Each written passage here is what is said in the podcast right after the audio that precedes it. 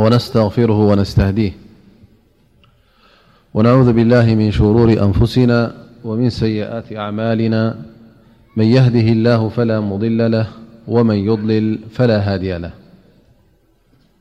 وأشهد أن لا إله إلا الله وحده لا شريك له وأشهد أن محمدا عبده ورسوله وصفيه من خلقه وخليله وعلى من استن بسنته واقتفى أثره إلى يوم الدين وبعد خبركم أحوة السلام عليكم ورحمة الله وبركاته يقول الله سبحانه وتعالى بعد أعوذ بالله من الشيطان الرجيم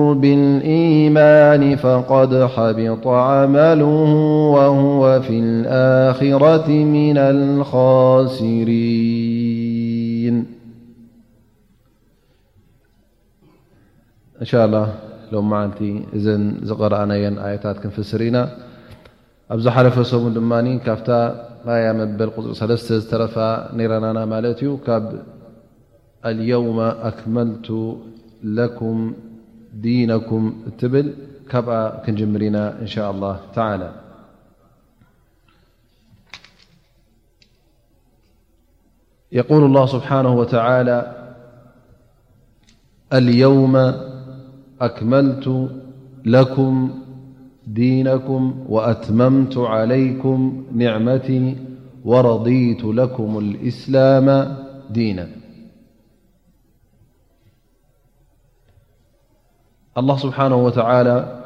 እዚ ዓብዪ ሽሻይ እዚ ዓብዪ ኒዕማ ነዛ እመት መሓመድ ዝሃባ ኣብዛ ኣያ እዚኣ ይነግረና ኣሎ ማለት እዩ ምኽንያቱ ኣላ ስብሓን ወተላ ኣልየውመ ኣክመልቱ ለኩም ዲነኩም ክብለና እንከሎ እቲ ዲን ኩሉ ሙሉእ ዘይጉዱል ገይሩ ብነቢና ሙሓመድ ሰለላሁ ዓለይሂ ወሰለም ከም ዘቕረበልና ይሕብረና ኣሎ ማለት እዩ። ስለዚ እንተ ደኣ እቲ እተውሃብኩሞ ዲን ሙሉእ እዩ ተባሂልና ድማ እዚ እቲ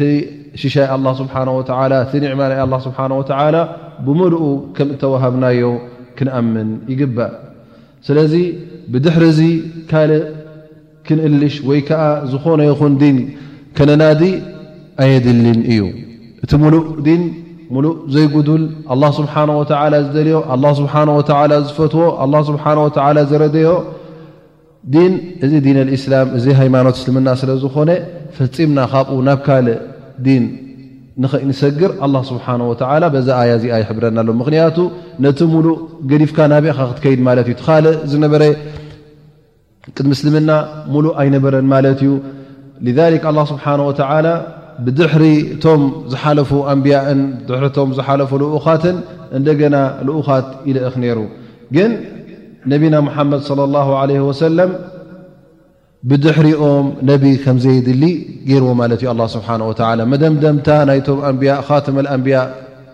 ጌርዎ ብድሕሪ ነቢና ሙሓመድ ሶለ ላሁ ዓለይሂ ወሰለም መጺኡ ነቲ ዲን ዝውስኾን ዝንክዮን ወይ ከኣ ዘመላኽዖን ዘጸባብቖን ኣይክደልን እዩ ምኽንያቱ ኣላህ ስብሓነ ወተዓላ ሙሉእ ዘይጉዱል ገይሩ ምልኩዕን ጽቡቕን ገይሩ ኣቕሪቡልና እዩ ስለዚ እቲ ነቢና ሙሓመድ ሶለ ላሁ ዓለይሂ ወሰለም ሒዞሞ ዝመጹ እቶም ኻተመል ኣንቢያ እቶም መደምደምታ ናይቶም ኩሎም ልኡካን ዝኾኑ ነቢና ሙሓመድ ሰለላሁ ዓለይሂ ወሰለም ሒዞሞ ዝመፁ ንደቂ ሰብ ይኹን ንኣጋንንቲ ተላኢኾም ስለ ዝመፁ እዚ ዲን እዚ ሙሉእ እቲ እሶም ዝበሉና ድማ ኩሉ ክንቅበሎ እቲ እሶም ሓላል ዝበልዎ ሓላል ኢልና ክንቅበሎ እቲ ነቢና ሙሓመድ ሰለላሁ ዓለይሂ ወሰለም ኣብ ሱና ነቢ ኮይኑ ኣብቲ ቁርን ኮይኑ ዝቆርኡልና ሓላል ኢሎም ውን ዝሓበሩና ሓራም ኢልና ክንሕርሞ ከም ዝግብኣና ኣላ ስብሓን ወተላ እዚ ኣያ እዚኣ ዝጠመረቶ ይነግረና ኣሎ ስለዚ ዝኾነ ይኹን ዲን ብጀካ ዲን ምስልምና ሙሉእ ከምዘየለ እዛ ኣያ እዚኣ ትሕብረ ላ ስብሓ ወላ ውን ኣብ ካልእ ኣያ ወተመት ከሊመቱ ረቢካ ስድቃ ዓድላ ዑለማእ ክፍስርዋ እንከለዉ እንታይ ኢሎም ስድቀን ፊል ኣኽባር ማለት ሒዝዎ ዝመፀ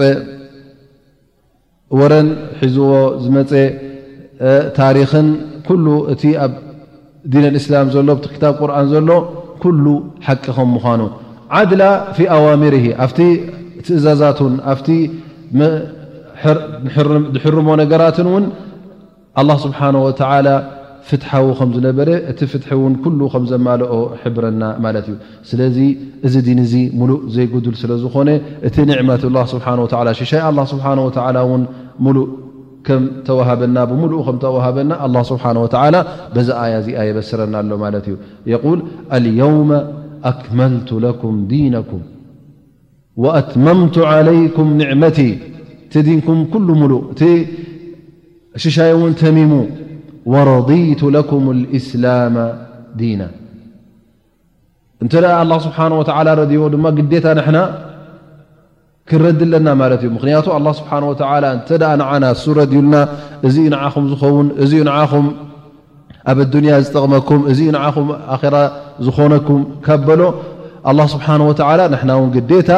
ንነፍስና ዝበለፀን ዝሓሸን ከም ምዃኑ ክንረድየሉን ክንኣምነሉን ኣለና ማለት እዩ ኣላ ስብሓን ወተዓላ ዝፈተዎን ዝረደየሉን ዲን ትዝበለፀን ትዝሓሸን ስለ ዝኾነ ንሕና ውን እዚ ብሉፅ ነቢ ሒዙና ዝመፀ ነቢ እዚ ብሉፅ ሃይማኖት እዚ ብሉፅ ዲን እዚ ቀጣቢልና ክንሕዞ ከም ዘለና በቲ ዝበለጸ ክታብን በቲ ዝበለጸ ነቢን በቲ ዝበለጸ ግዜ እንተቐበልናዮ ነዚ ሓንጎፋይ ኢልና ክንቅበሎ ኣለና ማለት እዩ። ጠብዓ ኣላህ ስብሓን ወተዓላ ኣልየውመ ኣክመልቱ ለኩም ዝበላ መዓልቲ መዓስ እያ ነይራ? ፊ ሕጀት ልወዳእ የውም ኣልሓጅ ኣክበር እዚኣ ካብተን መጨረሻ ወይ ከዓታ መጨረሻ ኣያ ዝወረደት እያ ማለት እዩ። ሊኣን ኣላ ስብሓን ወተዓላ በዛ ኣያ እዚኣ ደምዲምዋ ማለት እዩ። ዛ ርሳ ዛ ያ ዚ ስ ረት أكملت لكم دينكم تب الآية مس وردة عمر رضي الله عنه يبي مال عمر رضي الله عنه يبكي فقال له النبي صلى الله عليه وسلم - ما يبكيك تخنك تبك لخا قال أبكاني أنا كنا في زيادة من ديننا فأما إذا كمل فإنه لم يكمل شيء إلا ص فقال أي النبي صلىال ليه وسلم صدقت وذلك مصداقا لقول النبي صلى الله عليه وسلم بدأ الإسلام غريبا وسيعود غريبا كما بدأ فطوب للغرباء ዑመር ረድ ላሁ ዓንሁ ነዛ ኣያ እዚኣ ክትወርድ ምስ ሰምዕዋ ይበኪ ማለት እዩ ነቢ ለ ላ ለ ወሰለም እንታይ ኾንካ ትበኪ ን ኣያት ላ ቁርን ወሪዱ ኢልካስ እንታይ ኾንካ ትበኪ ኢሎም ነቢና ሓመድ ስ ሰለም ንሰይድና ዑመር ይሓቶ ማለት እዩ ሰይድና ዑመር ይብል ኣነ እቲ ዘብክየኒ ዘሎ ቅድሚ ሕጂ ኩሉ ግዜ ዋሓይ እናወረደስ ኣላ ስብሓን ወተዓላ ሽሻይ ንዕማን ይድርበናን ይውስኸናን እዩ ነይሩ እሞ ሕጂ ኣላ ስብሓን ወተዓላ እቲ ዲን መሊኡ እዩ ካብ በለስ ብድሕሪ ሕጂ ሓድሽ ነገር ዝያዳ ዝመፅ የለን እንተ ደኣ መጨረሽትኡ በፂሑ ድማ ብድሕሪ ሕጂ ጉድለት እንተዘይኮይኑስ ዝያዳ ከምዘየለ ነዚ ስለ ተረዳእኩ ይብል ማለት እዩ ፈነቢይ ስለ ላ ለ ወሰለም ሰደቅት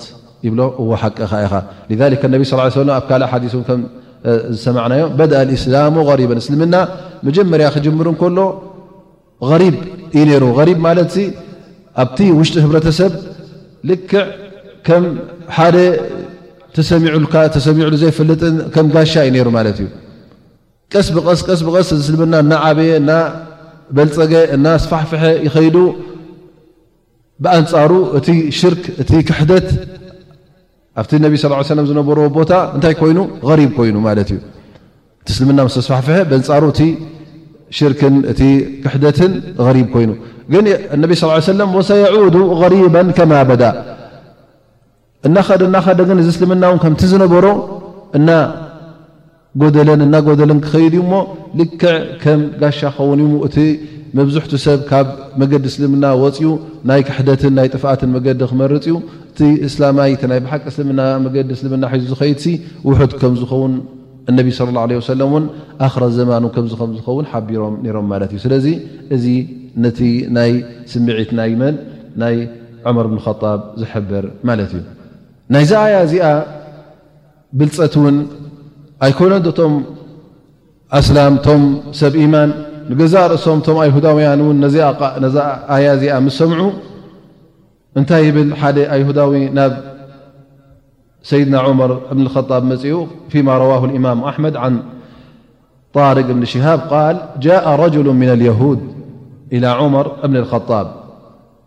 فقال يا أمير المؤمنين إنكم تقرؤون آية في كتابكم لو علينا معشر اليهود نزلت لاتخذنا ذلك اليوم عيدا قال وأي آية قال قوله اليوم أكملت لكم دينكم وأتممت عليكم نعمتي فقال عمر والله إني لأعلم اليوم الذي نزلت على رسول الله صلى الله عليه وسلم - والساعة التي نزلت فيها على رسول الله - صلى الله عليه وسلم عشية عرفة في يوم جمعة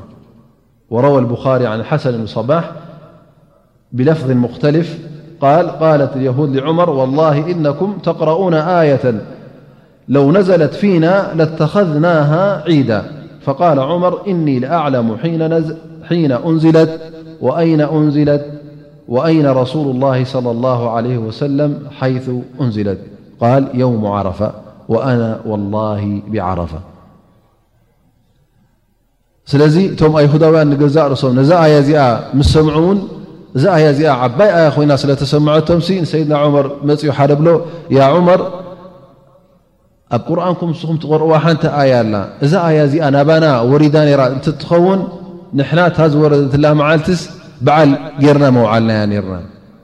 በዓል ጌርና መውዓልናያ ነርና ዑመር ብን ኸጣብ ኣይኒታ ኣያ ይብል ማለት እዩ ፈይብሎ ኣልየውመ ኣክመልቱ ለኩም ዲነኩም ወኣትመምቱ ዓለይኩም ኒዕመቲ ትብል ኣያ ዘላትኩም እዚኣስ ዓባይ ኣያ ምክንያቱ እዚ እቲ ዓበይ ብስራት እቲ ዓብይ ሽሻይ እዩ ዝነግር ዘሎ ማለት እዩ ምክንያቱ ኣላ ስብሓን ወተላ እዚ ናትካ ዲን ሙሉእ ሽሻይ ዝዓሰሎ ዝተመመ ክብለካ እንከሎስ እዚ ቀሊል ነገር ስለ ዘይኮነ እቶ ኣይሁዳውያእቶም ኣይሁዳውያን ንገዛእ ርእሶም ተሰሚዓቶም ማለት እዩ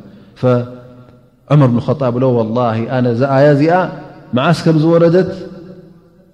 ይፈልጥ እየ ኣበይ ከም ዝወረደት እውን ይፈልጥ እየ ኣየበይቲ ሰዓት ነቢ ስ ሰለ ኣበይ ከም ዝነበረ እዛ ኣያ እዚኣ የውም ዓረፋ ዓሽየት ዮም ዓረፋ ዮም ልጅምዓ ናይ ምሸት ኣብ ዮም ዓረፋ ወሪዳ ኢሉ ይዛረብ ማለት እዩ ግን ዑመር ብን ጣብ ስለምንታይ ፌስታ ዘይገበራ እዛ መዓልቲ እዚኣ ኣስለ ገዛ ርእሳ ዒድ እያ ግን ብዝያዳ ን ብዛት ን ዝወረደትና ኢልና ከነብዕላ ዳይንብል ኣን ኣስለ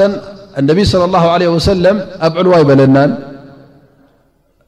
እቶም ኣይሁዳውያን ከምዝን ከምዝን እናገበሩ ባዕሎም ኣብቲ ዲኖም የእትዉ ላኪን ኣገባብ ናይ እስልምና ከም ድላይካ ኣይኮንካን በዓላትን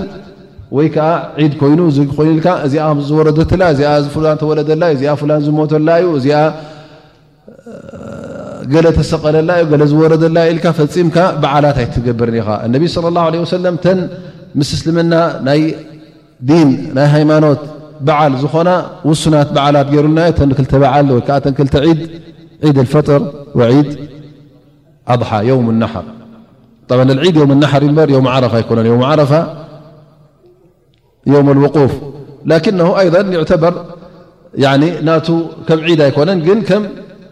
ናይ ዒባዳ እዋን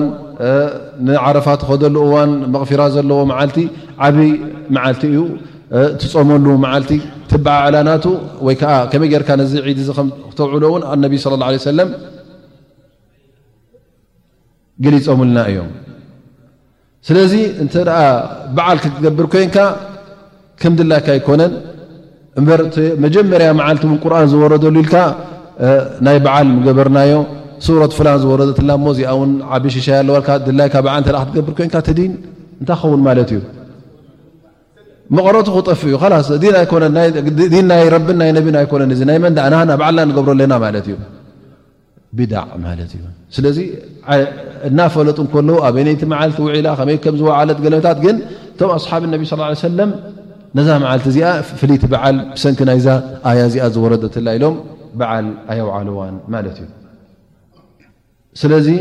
እዛ ኣያ እዚኣ ዓባይ ኣያ ከም ምዃና ተረዲእና ማለት እዩ ኣላ ስብሓን ወተላ ዲንና ረድዩልና ዝበለፀ ዲን ገይርዎ ሙሉእ ዲን ገይርዎ ማለት እዩ ثመ የقሉ ላه ስብሓ እዚ ሕጂ እዛ ኣያ እዚኣ ወይ ከ እዛ ቃል እዚኣ ምስ ምንታይ ኣትያ ምስቲ ኣላ ስብሓን ወላ እንታይ እዩ ተሓላል እንታይ እዩ ተሓራም እና ኣብርሃላ እንከሎ እዚ ዲን እዚ እዚ ሓላልን እዚ ሓራምን ሒዙ ዝመፅ ዘሎ ዲን ሲ ኣላ ስብሓን ወላ ዝረደየሉ ዲን ከም ምዃኑ ሙሉእ ዘይጉዱል ከም ምዃኑ ባዕልኻ ገለ ነገር ክትሕልል ገለ ነገር ክትሕርም ውን ኣድላዪ ከም ዘይኮነ እንተ ደኣ ሓደ ሰብ ኣነስ እዚ እስልምና ወይ ከዓ ገለገለ ኣስተምህሮታት ናይ ዲንሲ ካብ ክታብን ካብ ሱናን ጥራይ ክንረኽቦ ይንኽእል ኢና ግን ባዕልናስ ሓድሽ ስነ ፍልጠት ከነቕርበሉ ኣለና ወይ ከኣ ብሓድሽ ስነ ፍልጠት ተዘይኮይኑ ብኻልእ ክርዳእ ኣይክእልን እዩ እንተ ክብል ኮይኑ እዚ ሰብዚ እንታይ ይብል ኣሎ ማለት እዩ እዚ እትሃም ማለት እዩ ኣላ ስብሓን ወተዓላ ሙሉእ ኣይገበሮን ማለት እዩ ጌና ካልእ ነገር ኣሎ ንዓና መመላእታ ዘድልየ እናብል ኣሎ ማለት እዩ ኣላ ስብሓን ወተዓላ መሊኤልኩም እየ ሙሉእ ዘይጉዱል ገይረልኩም እየ እናበለካ ከሎ ባዕልኻ እንተ እዚ ንዝን የድሊ እዩ ንቲ ዲን ከምዚ ጎዲልዎ ኣሎ እዚ ክንውስኸሉ እተ ትብል ኮንካ ነቲ ቁርን ንገዛእ ርእሱ ሓቂ ኣይኮነን ትብሎ ኣለኻ ማለት እዩ ትሐስቦ ኣለኻ ሙሉእ ኣይኮነን ኣላ ስብሓን ወተላ ኣክመልቱ ለኩም ዲነኩም ወኣትመምቱ ዓለይኩም ኒዕመት እናበለካ ከሎ እዛ ዲን ስጎደለላ ትብል ኣለኻ ማለት እዩ ስለዚ ዝኾነ ይኹን ኣብዚ ዲን እዚ እንተ ገለ ነገር ኣእቲኻሉስ ትህማ ማለት እዩ ጥርጠራ ማለት እዩ እዚ ዲን እዚ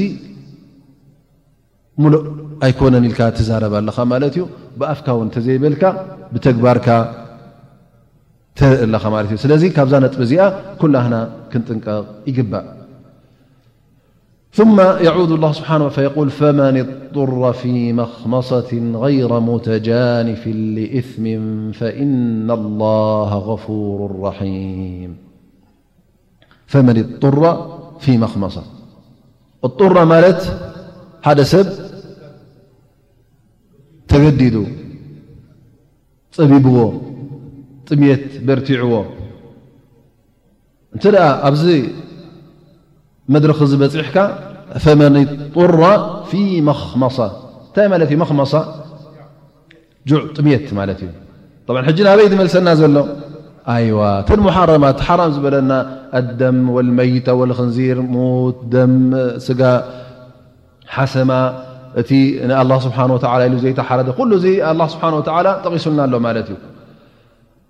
ፈኢዘን እንተ ደኣ ጥምየት በጺሑካ በቃ ክትስከሞ እንተ ደኣ ዘይከኣልካ ኣላህ ስብሓን ወተዓላ ንኽትበልዕ የፍቀደልካ ኣሎ ማለት እዩ። እዚ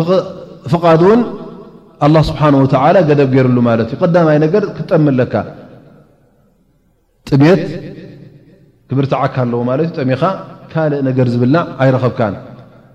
ትበልዕ እተ ኮይንካ ውን غይረ ሙተጃኒፍን ሊእፍ እዘ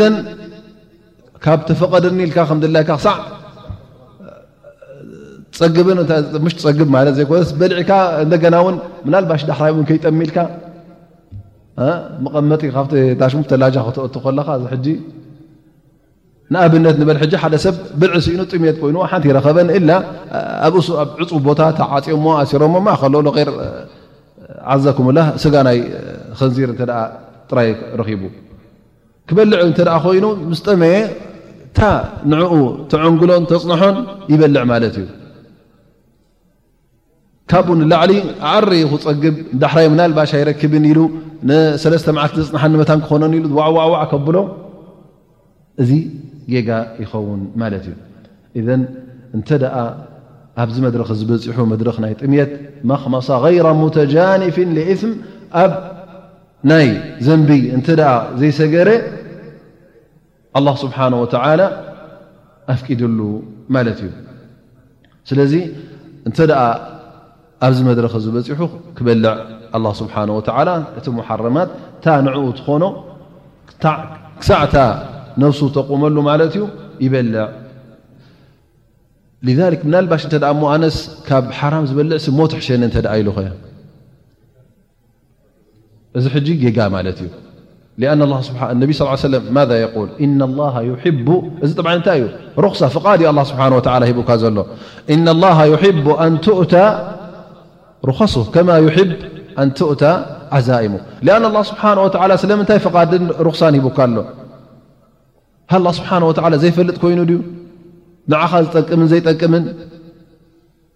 ሚን ራሕመቲ ላህ ስብሓ ቀዳማይ ነገር ኣላ ስብሓን ወተዓላ ካብታ ነብስኻ እስኻ ትርሕማ ኣላ ስብሓን ወተዓላ ዝያዳ ርሕማ እቲ ዝዓበየ ራሕማ ድማ ናይ ዮም ልቅያማ ናይ ኣጅሪ ራሕማ እዩ እዘን ኣነ ዝጠሜ ከለኹ በዛ ጥሜት ሞ ትሕሸኒ ትብል እምነት እንተ ደኣ ትገብር ኣለኻ ኮይንካ እዚ ዝያዳ ካብ ኣላ ስብሓን ወተዓላ ነብስኻ ርሕምካያ ማለት ድዩ ኣይኮንካን ልዛሊክ እዚ ኣላ ስብሓን ወተዓላ እዚ ሩኽሳ ገይሩካ እዚ ፍቓድ ሂቡካ ዘሎ ካብቲ ራሕማ ናቱ ስለ ዝኾነስ ንጥራሕ እስኻ ነታ ነብስኻ ዝያዳ ካብኡ ሪሕምካያ ማለት ኣይኮነን ክትከልኣ እሞ በዚ ኣጅሪ ዝትረክብ ኣይምሰልካ ስለዚ እዚ ሩኽሳ እዚ ፍቓድ እዚ ክትጥቀመሉ ኣለካ ማለት እዩ ኣን ላ ስብሓን ወላ ዩሕብ ኣንቱእታ ሩኸሱ እቲ ፍቓዳት ኣላ ስብሓን ወላ ዝሃበካ ልክዕ ክትጥቀመሉ ኣላ ስብሓን ወላ እዚ ንሱ ዝፈትዎ እዩ ልክዕ ከምቲ ነቲ ዕባዳት ናቱ ነቲ ትገብሮ ዘለኻ ናይ ሰላትን ስያምን እቲ እናኸበደካን እናጸንከረካን ከሎ ትገብሮ ዘለኻ ንዕኡ ኣላ ስብሓን ወተዓላ ዝፈትዎ ነቲ ርኽሳ ዝገብረልካ ዘሎ ድማ ፍቓድ ዝበካ ዘሎ ድማ ዝፍቅደልካ ዘሎ ድማ ንክትቅበሎን ንክትገብሮን እዚ እውን ኣላ ስብሓን ወተዓላ ይፈትዎ እዩ ሹፉ ራሕመት ላ ስብሓን ወተዓላ ኩሉ ግዜ ተዘይሎ እዛ ሓራም እዛ ሓላል ነገር ተዘይረኸብካያስ ብኣሙት ኣይበለካን ኣላ ስብሓን ወተዓላ ላኪን ኣላ ስብሓን ወተላ እታ ሓላል እንተ ዘይረክብካያ ጥራይት ሓራም እተ ኮይኑ ኣብ ጥሜት እተ በፅሕካ ኣፍቂዱልካ ማለት እዩ እታ ህይወትካ ተቑመላ ነዛ ነብስኻ ከይትሓልፍ ንዓ ትሕልወላ ክሳዕ ክንደኣ ክትበልዕ ኣፍቂዱልካ ማለት እዩ ገለ ዑለማ እብሉ ነይሮም ሰለስተ መዓልቲ እንተ ዘይረኸብካ ብልዒ ሽዑ ኢኻ ዝፍቀደካ ካብ ምንታይ እዮም ወሲዶ ክሳዕ ሰለስተ መዓልቲ ሰብ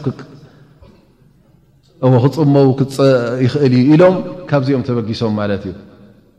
ትጸመም ማለት እዩ ክሳዕ ሰለስተ መዓልቲ ድሕሪኡ ግን ሰለስተ መዓልቲ ዘይክእል ሰብ ምናልባቸው ኣሎ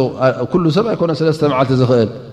ሓደ ሰብ ፅቡቕ ነብሲ ዘለዎ ፅቡቕ ዝበልዐ ነይሩ እተ ኮይኑ ሰለስተ መዓልቲ ምምክን ደው ብል ግን እዚ ሰብ እዚ ብቀደሙ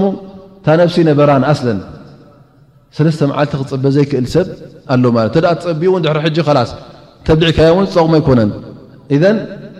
ናይ ሰለስተ መዓልቲ ብሰለስተ መዓልቲ ዝጭረስ ኣይኮነን ሊክ روى الإمام أحمد عن أبي واقد الليثي أنهم قالوا يا رسول الله إنا بأرض تصيبنا بها المخص فمتى تحل لنا بها الميتة فقال إذا لم تصطبحوا ولم تغتبقوا ولم تحتفئوا በቅን ፈሻእኑኩም ብሃ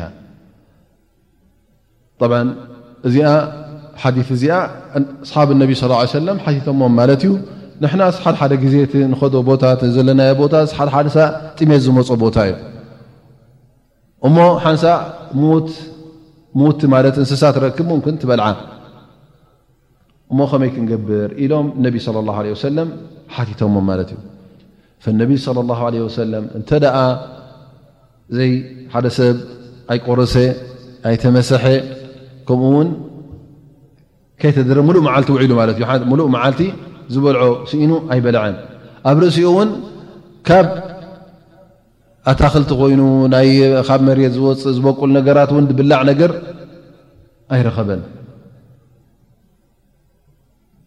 ክሳዕ ክንዚ እንተ በፂሑ ብድሕሪ እዚ ክትበልዑ ይፍቀደኩም ኢሉ እነቢ ስለ ላ ለ ወሰለም ሓቢርዎም ማለት እዩ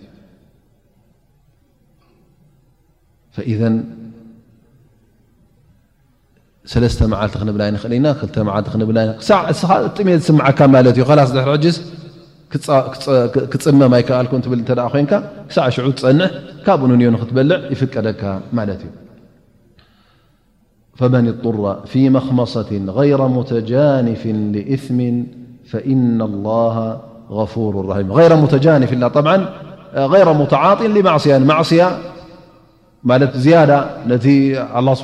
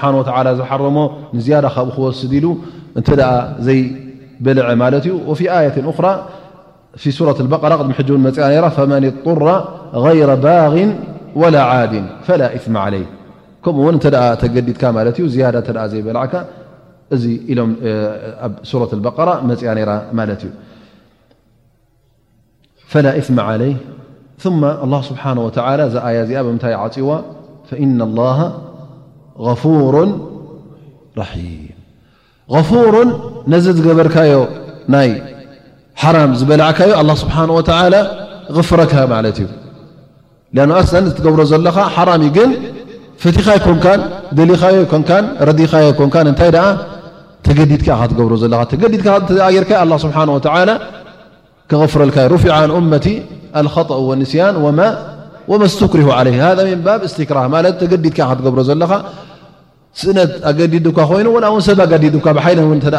ኣኾምሲዖምኻ እተ ኣብሊዖምኻ ወላ መስተ እተ ኣብ ኣፍካ ብቆርቆሮ ገይሮም እተ ብሓይሊ ሶኪዖምልካ እዚ ሕጂ ተገዲድካ ክትገብሮ ዘለኻ ማለት እዩ እዘን ወመስትክሪሁ ዓለይ እዚ ሓደ ካብቲ ተገዲድካ ትገብሮ ዘለኻ ስለ ዝኾነ ፈኢና ላሃ غፉሩ ኣላ ስብሓን ወተላ እምብዛ መሓሪ እዩ ኣዝዩ መሓሪ ከም ምዃኑ غፉር ኢሉ ፍፁም መሓሪ ከም ምዃኑ ይሕብረና ከምኡ እውን ራሒም ረሒሙ ብመን ብዕባድሂ ኣላ ስብሓን ወተዓላ ሕልፈትኩም ዝደሊ ኣይኮነን ፅበትኩም ዝደሊ ኣይኮነን ሞትኩም ዝደሊ ኣይኮነን ኣላ ስብሓን ወተዓላ ዝሽርዖ ዘሎ ዝሸርዒ እዚ ሓራም እዩ እዚ ሓላል እዩ ዝብሎ ዘሎ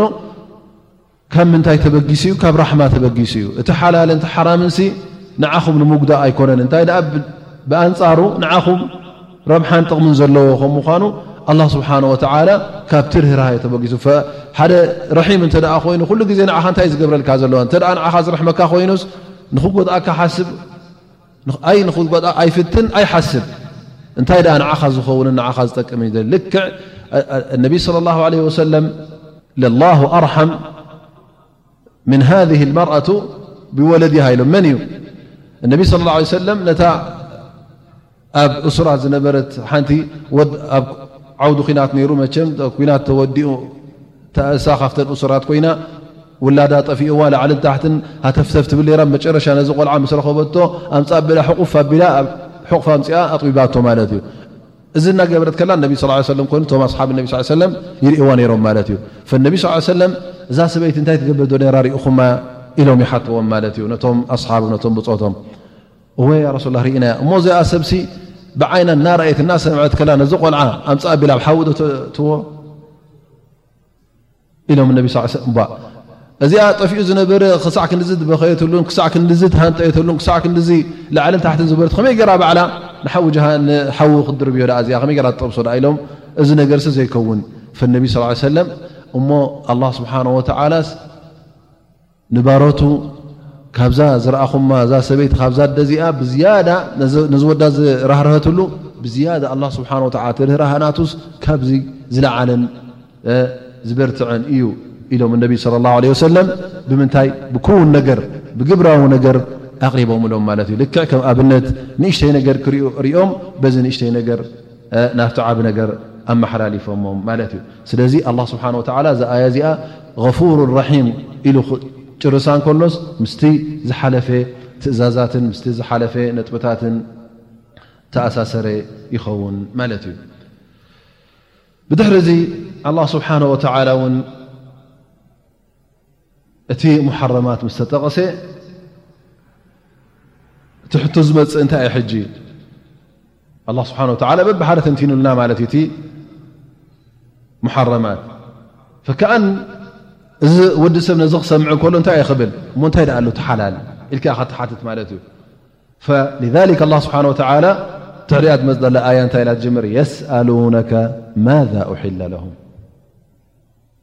حرام ستسمع والله سبحانه وتلى نتنو فإذ نت ت حلال يسألونك ماذا أحل لهم قل أحل لكم الطيبات وما علمتم من الجوارح مكلبين تعلمونهن مما علمكم الله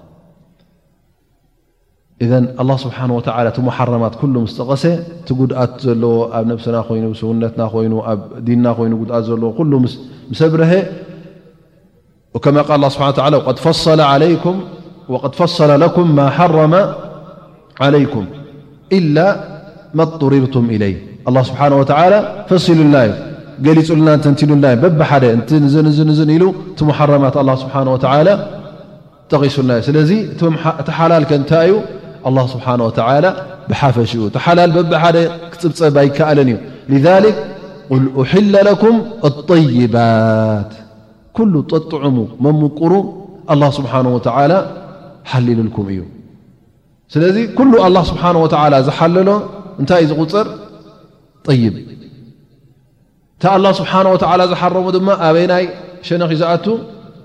ከባኢር ኣብቲ እከይ ኣብቲ ክፉእ ነገር ኣብቲ ርኹስ ነገር እዩ ዝኣቱ ላ ስብሓን ወተላ እቲ ዝሓለለልና ሽሻይ ኩሉ ምቁርን ነፍስኻ ጠቓምን ጥዑሙን እዩ ላ ስብሓን ወተላ ኣጠይባት ኢሉ ሓቢሩና ማለት እዩ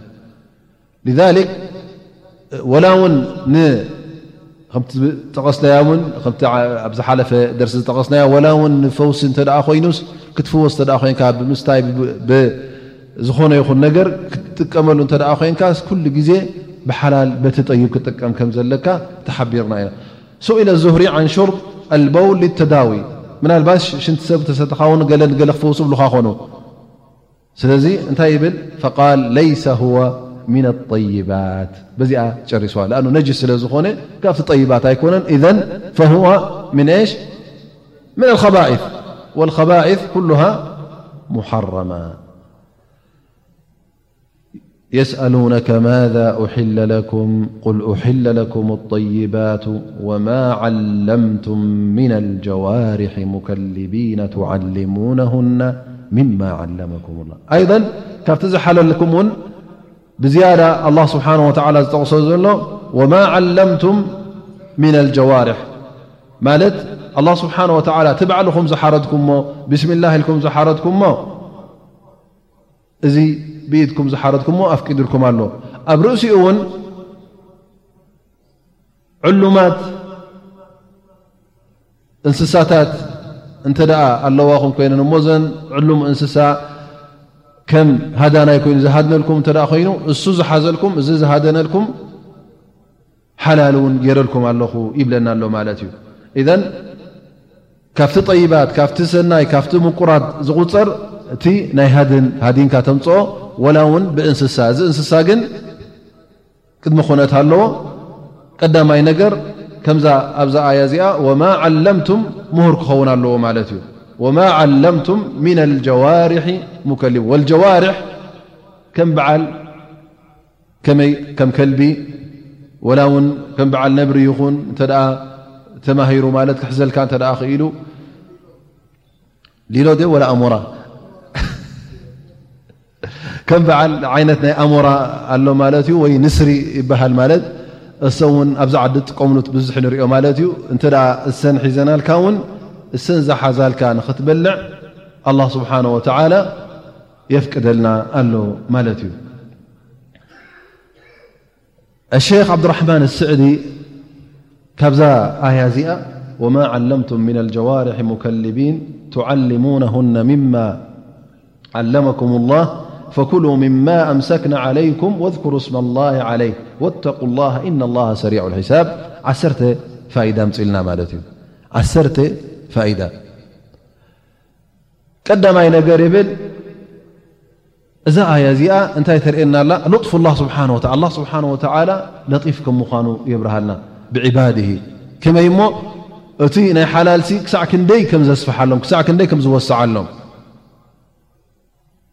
እቲ ሓላል ገፊሕ ከም ምዃኑ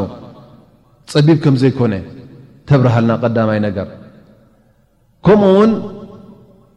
እንታይ ተርእየና እዛ ኣያ እዚኣ እቶም ከልቢ ኮይኑ ወይ ከዓ ኣሞራ ኮይኑ ወይ ነስሪ ኮይኑ ወይ ከዓ ነብሪ ኮይኑ ወላ ውን ኣንበሳ ኮይኑ እተ ዓል እዚኦም ሲ ግዴታ ክዕለሙ ኣለዎም ተዓሊሙ ክበሃል እንከሎ ከመይ ማለት እዩ ተማሂሩ ክበሃል ከሎ ከመይ ማለት እዩ እንተ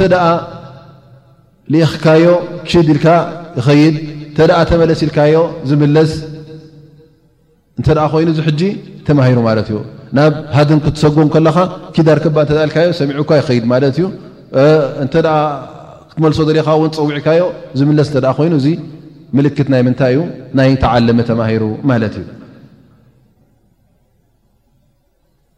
ከምኡ ውን እዛ ኣያ እዚኣ እንታይ ተብርሃልና እተን ዝሃድና ሃድን ውን ክሃድና ከለዋ እንተ ነቲ ዝሓዝኦ ሃድን ደም ዘውጻሉ እንተደኣ ኮይነን እንተደኣ ዝጠብሐኦ ኮይነን ማለት እዩ ማለት ከም በዓል ኣንበሳ ኮይኑ ወላ እውን ከልቢ ኮይኑ እንተደኣ በስኖም ኮይኑ ወይ ከዓ በጻፍሮም ኮይኑ ከምኡ እውን ኣሞራ ብኣጻፍራ ኮይኑ ብስና ኮይኑስ ክትብትኖ ትኽእል እያ ክትጠብሖ ወይ ከዓ ደም ክተውጻሉ ትኽእል እያ ማለት እዩ ስለዚ እንተደኣ ከምኡ ገይራ ሒዛቶስ እኹል ማለት እዩ ከም ተሓረደት ትቁፀር ማለት እዩ ሽዑ ወላ ምውቲ ከላ ኣርክበላ ወላ ውን ብጥዒት ኣርክበላ እንታይ ትኸውን ሓላል ትኸውን ማለት እዩ ብ እዚ ካብቲ ሸርጥ ማለት ዝጠብሕ ክኸውን ኣለዎ እንተ ዕለማ እብሉ ንኣብነት ይብ እዚ እንስሳ እዚ ጎይ ጎይ ርኪብዎ ግን ክሕዞ ከሎ ረጊፁ ሒዝዎ ንብል ንኣብነት ብምርጋፅ እተ ቀትልዎ ከ ደም ከየውፃሉ ይብላዕ ዶ ይብላዕን ብስሚላ ልካ ሰይድካዮ ይብላዕ ኣብ ካልኦት እንታይ ኣለኩም ርእቶ እተ ይብላዕ ኢሉ ይብላዕ ክብል ዩ ማለት እዩ ወይ ብፅፍሩ ኮይኑ ወይ ተዘይወፀ እኮ ኢና ንበላ ሕጂ ብጎኑ ወይ ከዓ ብምርጋፅ እተ ቀትልዎ ኢዘ እተ ደም ዘይወፀ ይብሉ ሓራም ይኸውን ኣይብላዕን እዩ ብጎኑ ኮይኑ ብፀቕጠት ኮይኑ እተ ቀትልዎ ሓራም ይኸውን ማለት እዩ ካብቲ ፈዋኢድ ድማ እዛ ኣያ እዚኣ ዝሃበትና ይብል ጀዋዝ እቕትናእ ሰይድ ከልቢ ሰይድ ኣስል ከልቢ ኣብ ገዛኻ ክተዕቢ ሓራም እዩ ክልኩል እዩ ኢላ ከልብ الሰይድ ወልሕራሳ ጣብዓ እዛ ኣያ እዚኣ ኣበይ ዳእያ ጠቒሳ ናይ ከልብ ኣሰይድ ማለት ሃዳኒ ዝሃድን እንተ ደኣ ኮይኑ ይፍቀደካ ማለት እዩ ከምኡ እውን እንታይ ይሕብረና እዚ ኣኖ እዚ ዝሓዞ ንኣብነት ከልቢ እንተ ሒዞ ንኣብነት ከልቢ እንታይ እዩ ሕጂ ኣልኣስሉ ፊሂ ነጅስ እቲ ልዛይ ናቱ ነጅስ እዩ ኢላ ናይ ሰይድ እተ ኮይኑ ምሁር እተ ኮይኑ እቲ እተ ለጊብዎስ ነጅስ ከም ዘይኮነ ኣን ነቢ ለ ላ ለ ወሰለም ምስ ኣንፃልኩም ሕፀብዎ ይበለን ንክምበልዖ ስለ ዘፍቀደልና እዘን እዚ ከልቢ ዙ ምሁር ከልቢ እዙ እንተ ሒዙልካስ ክትሓፅቦ ግዴታ ኣይኮነን እቲ ብመልሓሱ ኮይኑ ብኣፉ ዝለገቦስ ጣህር ይኸውን ማለት እዚኣ ካስ ጠብ ከልበ ሰይድ ይኸውን ማለት እዩ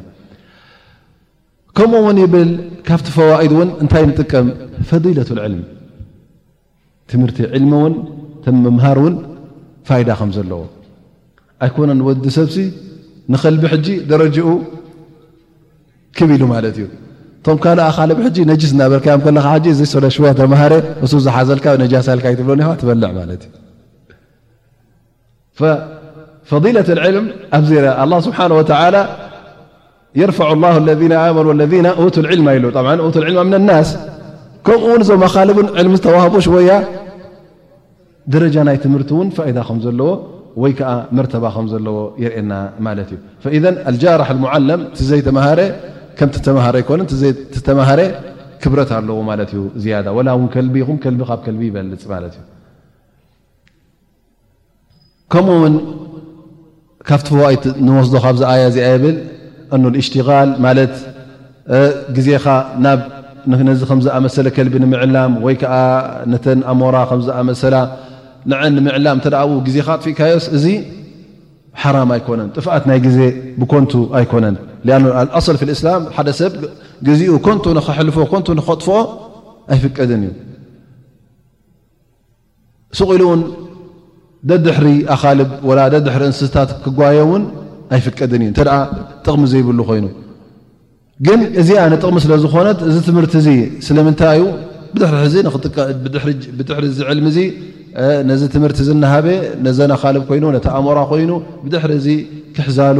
ንብረት ክመሓይሸሉ ስለ ዝኾነ ናይ ኣዱንያ ስራሕ ስለ ዝኾነ እዚ እውን ሓራም ከም ዘይኮነ ተባሂሉ ማለት እዩ ኣይደን ገለ ዑለማእ በዛ ኣያ እዚኣ ጠብዓን ኣልኣስል ከምቲ ዝበልናዮ ከልቢ እውን ነጅስ ስለ ዝኾነ ንኽትሸጦን ንኽትገዝኦን እውን ሓራም እዩ ኢላ ከልበ ሰይድ ኢሎም ገለ ዑለማእ ጠብዓን ባዕድ ልዑለማ ጠብዓን ገለ ዑለማእ ወላ ከልበ ሰይድ ክሸየጥ የብሉ ንብሉ ላኪን ቶም ክትሸየጥ ኣለዋ ዝበሉ በዛ ኣያ እዚኣ ጥቀሙ ሊኣኑ እዚ ከልቢ እዙ ጥቕሚ ስለ ዘለዎ ፋኢዳ ኣለዎ ጥቕመት ኣለዎ ይምፃልካ ኣሎ ስራሕ ኣለዎ ስለዚ ንኽትሸጦን ላን ኣላ ስብሓን ወተዓላ ኣባሓሁ ኣብዚ ሕጂ እንተ ኣብ ገዛኻ ንኸተንብሮ ምሳኻ ንኸተንብሮ እተ ፍቀደካ ኮይኑስ እሞ ሓላል ካብ ኮነ ንኽትሸጦ ንኽትልውጦን እውን ሓላል ይኸውን እብሉ ማለት እዩ እዚኣ እውን ከም እዛ ኣያ እዚኣ ከም ምርትዖ ጠቂሞምላ ማለት እዩ ኣይን ኣላ ስብሓን ወተላ ኣብዚ ኣያ ወዝኩሩ ስም ላ ዓለይ ኢሉና ካብቲ ቅድሚ ኩነት እውን ነዚ ከልቢ ኮይኑ ነዚ እንስሳ ዲ ክትሰዶ ከለኻ ብስሚላ ኢልካ ክትሰዶ ኣለካ ሓደ ሸርጢ ኸውን ማለት እዩ እታ ናይ መጨረሻ ድማ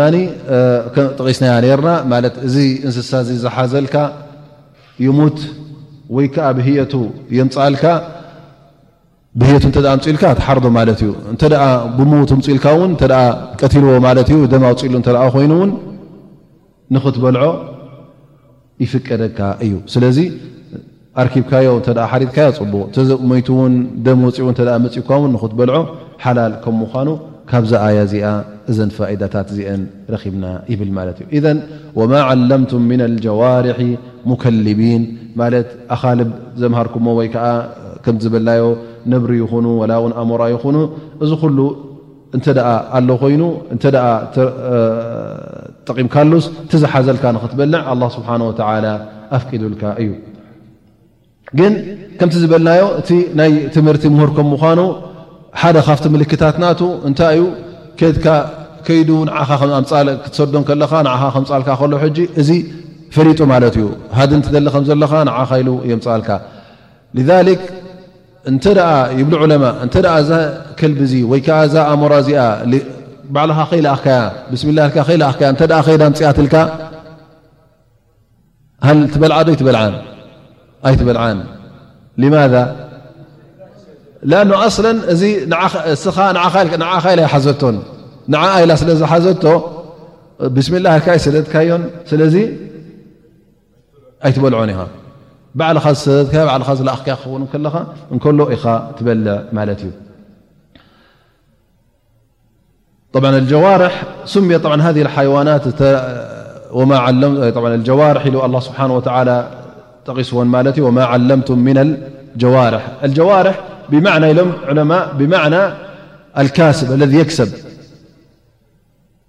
ربزلربح مالتي فلان جرح أهله خيرا إذا قاليعني كسب أهله أو أعطاهم لذلك الله سبحانه وتعالى يقول في آية أخرى وما جرحتم بالنهار أي ما اكتسبتم وما كسبتم من خير أو شر إذن الجوارح يعني أي الكواسب لذلك أيضا جوارح المرء يسمى الإنسان جوارحه يعني اليد والرجل وكذا هذا يسمى جوارحه لأنه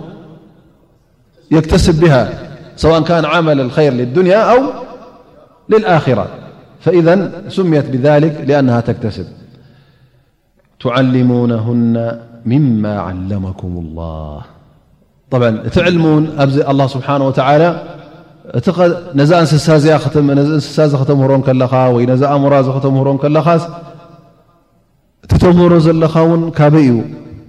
ካብቲ ኣላ ስብሓን ወተላ ዝሃበካ ዕልምን ፍልጠትን ካብቲ ኣላ ስብሓን ወተላ ዝለገሰልካ ከም ምዃኑ ክትርስዕ የብልካን ስለዚ ወዲ ሰብሲ እንስሳ ከምህር እንከሎስ ናቱ ክእለት ረኪቡ ኣይኮነን ብናቱ ክእለት ኣይኮነን እንታይ ደኣ ብቲ ኣላ ስብሓን ወተላ ነዚ ወዲ ሰብ ዝሃቦ ሽሻይ ነዚ ወዲ ሰብ ዝሃቦ ትምህርትን ፍልጠትን ብኡ እዩ ስለዚ ኣላ ስብሓን ወተላ ትዓሊሙናሁና ምማ ዓለመኩም ላ ካብቲ ኣላህ ስብሓነሁ ወተዓላ ንዓኹም ዝለገሰልኩም ትምህርትን ፍልጠትን ንዐኣን ፍልጠት ትብወን ኣለኹም። ኢዘን ፈኩሉ ሚማ ኣምሰክና ዓለይኩም እቲ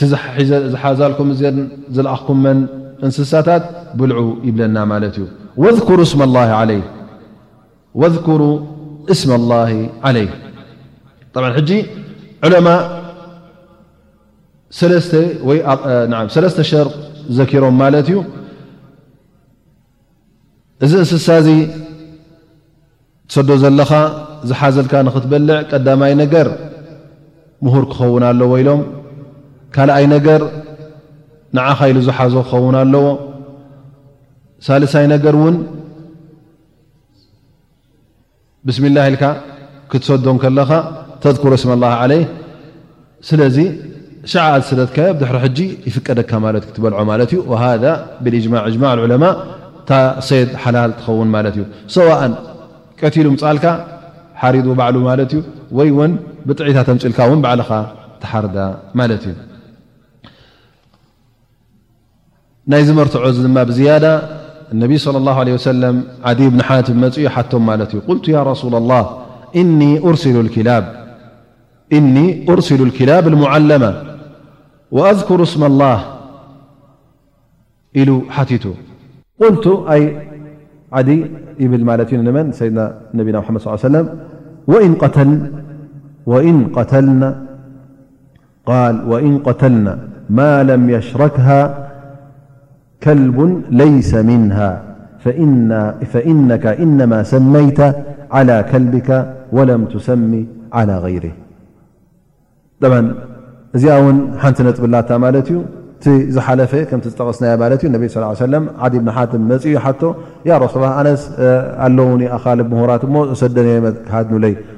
እሞ ብስሚላህ ኢለ ሰዶም ሱቕ ኢለ ዶ ክበልዕ ካብቲ ዘምጹለይ ይብል ማለት እዩ እነቢ ስ ሰለም ብስሚላህ ኢልካ ዝለኣኽካዮም ምሁራት ተደኣ ኮይኖም ብላዕ ወላ ተቐቲሎም ቅቱል ምዉት ተምጽኦሙለይ ባዕሎም ቀቲሎሞ ተምጹለይ ወላ እንተተቐትለ ግን ይብልዎ እነቢ ስለ ላሁ ለ ወሰለም ካልእ ከልቢ እንተደኣ ምስአን ተሓዊሱ ኣይትብላዕ ንኣብነት ካልእ ምስ ሰደድካዮም ካልእ ከልቢ ካልእ መፅኡ ብሓንሳእ ነዚ እንስሳዚ እንተ ሃጂሞሞ እሞ ከዓ ቀቲሎሞ ድሕሪ ሕጂ ክትበልዕ የብልካን ስለምንታይ ለኣኑ እስኻ ብስምላህ ዝበልካዮ ናይቲ ከልቢኻዩ ሕጂ ካልእ ከልቢ ስለተሓወሰን ድማ እሱ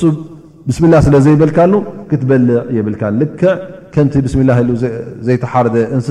كم سل خون يتبل يبل وفي لفظ آخر النبي صلى الله عليه وسلم يقول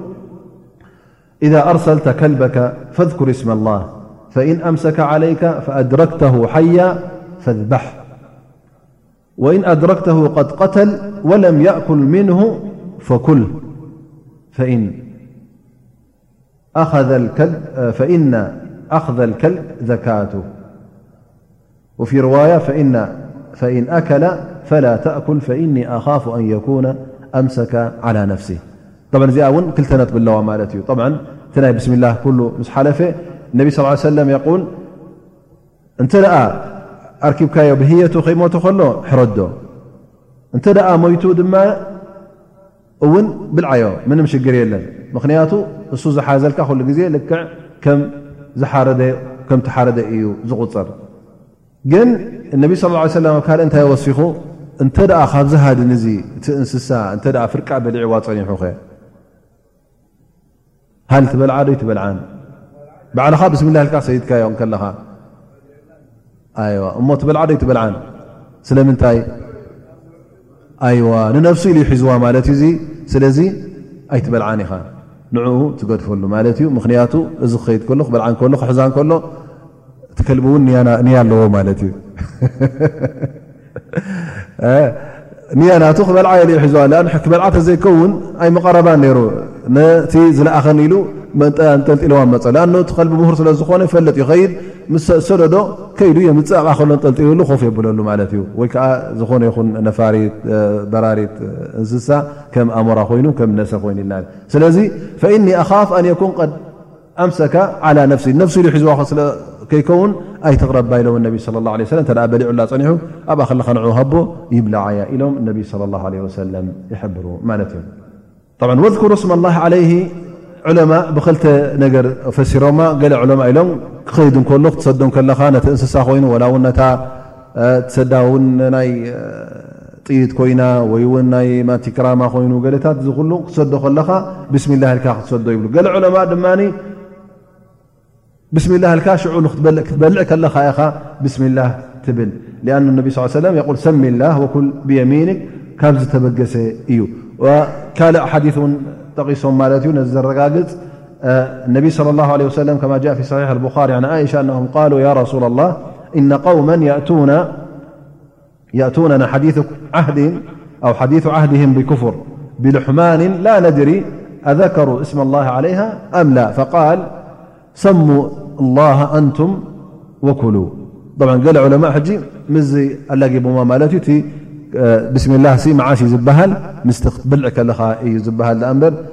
እቲ ክትሰድድ ኣይኮንካን ኢሎም እዛ ኣያ እዚኣ ግን ምስቲ ኣሓዲስ እንተ ርእና ነቢ ስለ ላ ለ ሰለም ክትሰዶ ከለኻ ክትልእኮ ከለኻ ነዚ እንስሳ ኮይኑ ወይ ከዓ ነታ ትሰዳ ጥይት ኮይኑ ወይ ውን በብዓይነቱ ናይ መህደኒ ነገራት ብስሚላ ልካ ክትሰዶ ከም ዘለካ ብዝያዳ በቲ ኣሓዲ ውን በሪሁልና እዩ ማለት እዩ ብድሕሪዚ ኣላህ ስብሓነሁ ወተዓላ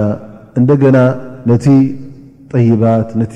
ምቁር እቲ ሰናይ ብልዕታት እውን ኣላህ ስብሓነሁ ወተዓላ ሓላል ከም ዝገበረና እንደገና የረጋግፀሎ ማለት እዩ። ፈየቁሉ ላህ ስብሓነሁ ወተዓላ ኣልየውመ ኡሒለ ለኩም ጠይባት ኣልየውመ ኡሒለ ለኩም ኣጠይባት እንደገና ኣላ ስብሓን ወተዓላ ነዚ ጉዳይ እዚ የረጋገፀልና ኣሎ ኣብዝሓለፈ ኣያት ጠይባት ሓላል ከም ምኳና ጠይባት ኩሉ ሰናይ ምቁር ነገር ዘበለ ጠጥዑሙ ሓላል ከም ምዃኑ ሓቢሩ ኣላ ስብሓን ወተላ ሕጂ እውን እንደገና ዝኾነ ይኹን ጠይብ ዘብኡ ምቁር ዘብኡ ጥዑም ዘብኡስ ነብስኻ ጠቓሚ ዘብኡ ኣላ ስብሓን ወተላ ከም ዝሓለሎ ይበርሃልና ማለት እዩ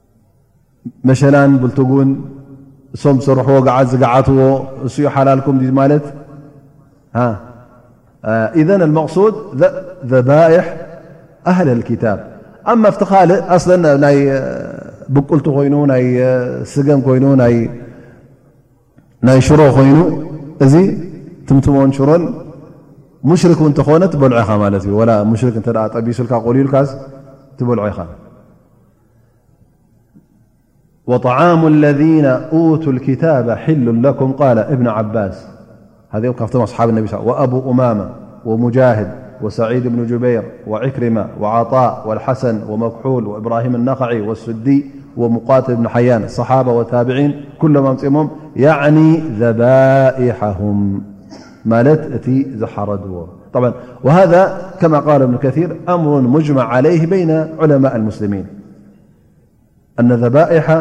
ሁም ሓላል ዑለማእ ሙስሊሚን ኩሎም ሓራም ዝበለ የለን ሊማዛ ብ ሊኣነሁም ያዕተቂዱን ምኽንያቱ እሶም ኣህሊ ክታብ ብቐንዱ እቲ ዲኖም እቲ ሃይማኖቶም እቲ ቐንዲ ካብ ኣላ ስብሓን ወተላ ስለ ዝኾነ ከምኡ ውን ኣብቲ ቐንዲ ዲኖም ውን እዞም ሰባት እዚኦም ንኣላህ እንተዘይኮይኑ ንኻልእ ክሓርዱ እውን ኣይፍቀዶምን እዩ። ኣብ ርእሲኡ እውን ክሓርዱ ከለዉ ስም ኣላህ ስብሓን ወተዓላ እዮም ዝዘክሩ። ሊዛሊክ ኣላ ስብሓን ወተዓላ እቲ ዝሓርድዎ ኣፍቂዱልና ማለት እዩ። ይብ ሕጂ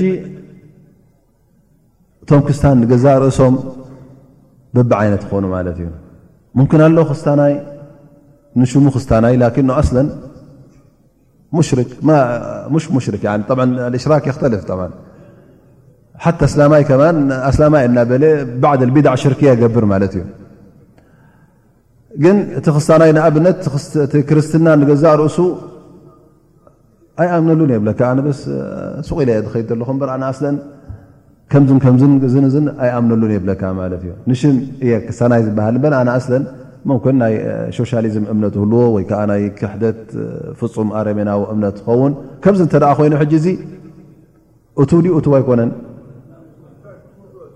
እቱው ኣይኮነን እዚ ቀዳማይ ሸርጢ ማለት እዩ ግዴታ እቲ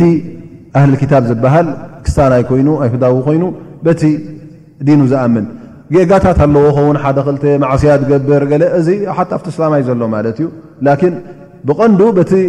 ክርስትና ኮይኑ በቲ ኣይሁዳውነት ኮይኑ ብኡ ዝኣምን ክኸውን ኣለዎ ማለት እዩ ብኡ እቲ ሰሪዑ ዝኸይድ ካልኣይ ነገር ውን ክሓርድ እንከሎ ብስም ኣላ ስብሓን ወተላ ክሓርድ ኣለዎ እንተ ደኣ ብስም ካልእ ዝሓርድ ኮይኑ እውን ኣይፍቀድን እዩ ማለት እዩ ወከሊከ ሙስልም ኣስላማይ እውን እተ መሓመድ ወዲ ዓብደላ ወዲ ዓብዱራሒም ወዲ ዓብድ ኩሉ እተ ተባሂሉ ተሰምዩ እንተ መፂኡ ክሓርድ እንከሎ ነዚ ዝሓርዶ ብስሚላ ኢሉ ተዘይሓረዶ ብስም ካልእ ጠቒሱ እተ ሓሪድዎ ንኣብነት ንበል ብስም ምዉታት ብስም ስዋኣት ብስም ፍቕርና ኢሉ ወላ ብስም ዕፍሪት ኣላ ኩሉ ሓል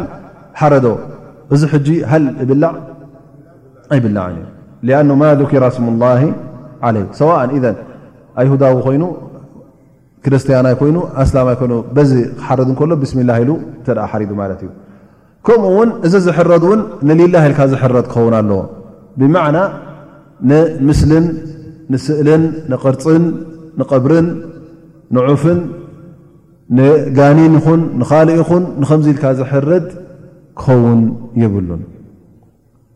ሰዋኣን ዝሓርድ ዘሎ ኣስላማይ ይኹን ክርስትያን ይኹን ኣይሁዳዊ ይኹን እዚ እንተ ደኣ ማሊኡ ሽዑ ሓላል ይኸውን ማለት እዩ እቲ ዝሕረድ ዘሎ ሕጂ ኣብ እቲ ናይ ኩነታት ናይ ዝኾነ ይኹን ዓዲ ጠባያት ክንወስድ እንተ ደኣ ኮይና ኣብ ሮባ ሕጂ ሮባ ኩሎም እንታይ እዮም ዝትቁፀሩ ክርስትያን እዮም ዝቁፀሩ ተ ካብ ሚ ተ ሸዓ ካብ ሚ ወላ ተ ካብ ሚእቲ ክርስትያን ስለ ዝኾኑ እቲ ዝሕረድ ኣብኡ እንታይ ኢኻ ትብሎ ሕጂ ናይ ክርስትያን ልክዕ ኻ ትሓስቡ ማለት እዩ ግን እንተ እቲ ሕጊ ብቲ ዓዲ ዘሎ እተ ርእና ንገዛእ ርእሱ እቲ ምሕራድ ዝበሃል እቲ ካራ ኣምፅእካ ምሕላል ማለት እዩ ብ ክሕረድ ን ዘለና ኩሉ ግዜ እቲ ናይ ክሳድ ምቑራፅ ማለት እዩ እቲ ደም ክወፅእ ኣለዎ ማለት እዩ ብበሊሕ ነገር እዚ ሕጂ እሶም እንታይ እዮም ዝቆፅርዎ ብሕጊ ኣይፍቀድን እዩ ብሕጊ እቲ ሕጊ ብኡ ዘሎ ሕጂ እዚ እንታይ የብሉካ ቃንዛ ጨካን እዮም ዝብሉካ ቃንዛ ስለ ዘለካ ማለት እዩ ሕጂ መን ነጊሮም እዚ ከምኡ ኢሉ ተሓሪዱ ፈቲኖም ፈልጡ ተሓሪዶም ፈልጡ እዞም ሰባት እዚኦም ኣይና ዩ ዝሕማን ኣይና ዩ ዘይሕማን እሶም ሕጂ እንታይ ይገብሩ ወይ ኣብ ማይ ኳሬንቲ ዘለዎ የእትዎን ማለት እዩ ሰዓቕ ማለት እዩ ኣብኡ የእትዎን መጀመርያ ብኤሌክትሪክ ይቐትልዎም ወይ ኣብ ርእሶም ይሃርምዎም ማለት እዩ እተ ጠለበጊዕ ኮይኑ ወላ ውን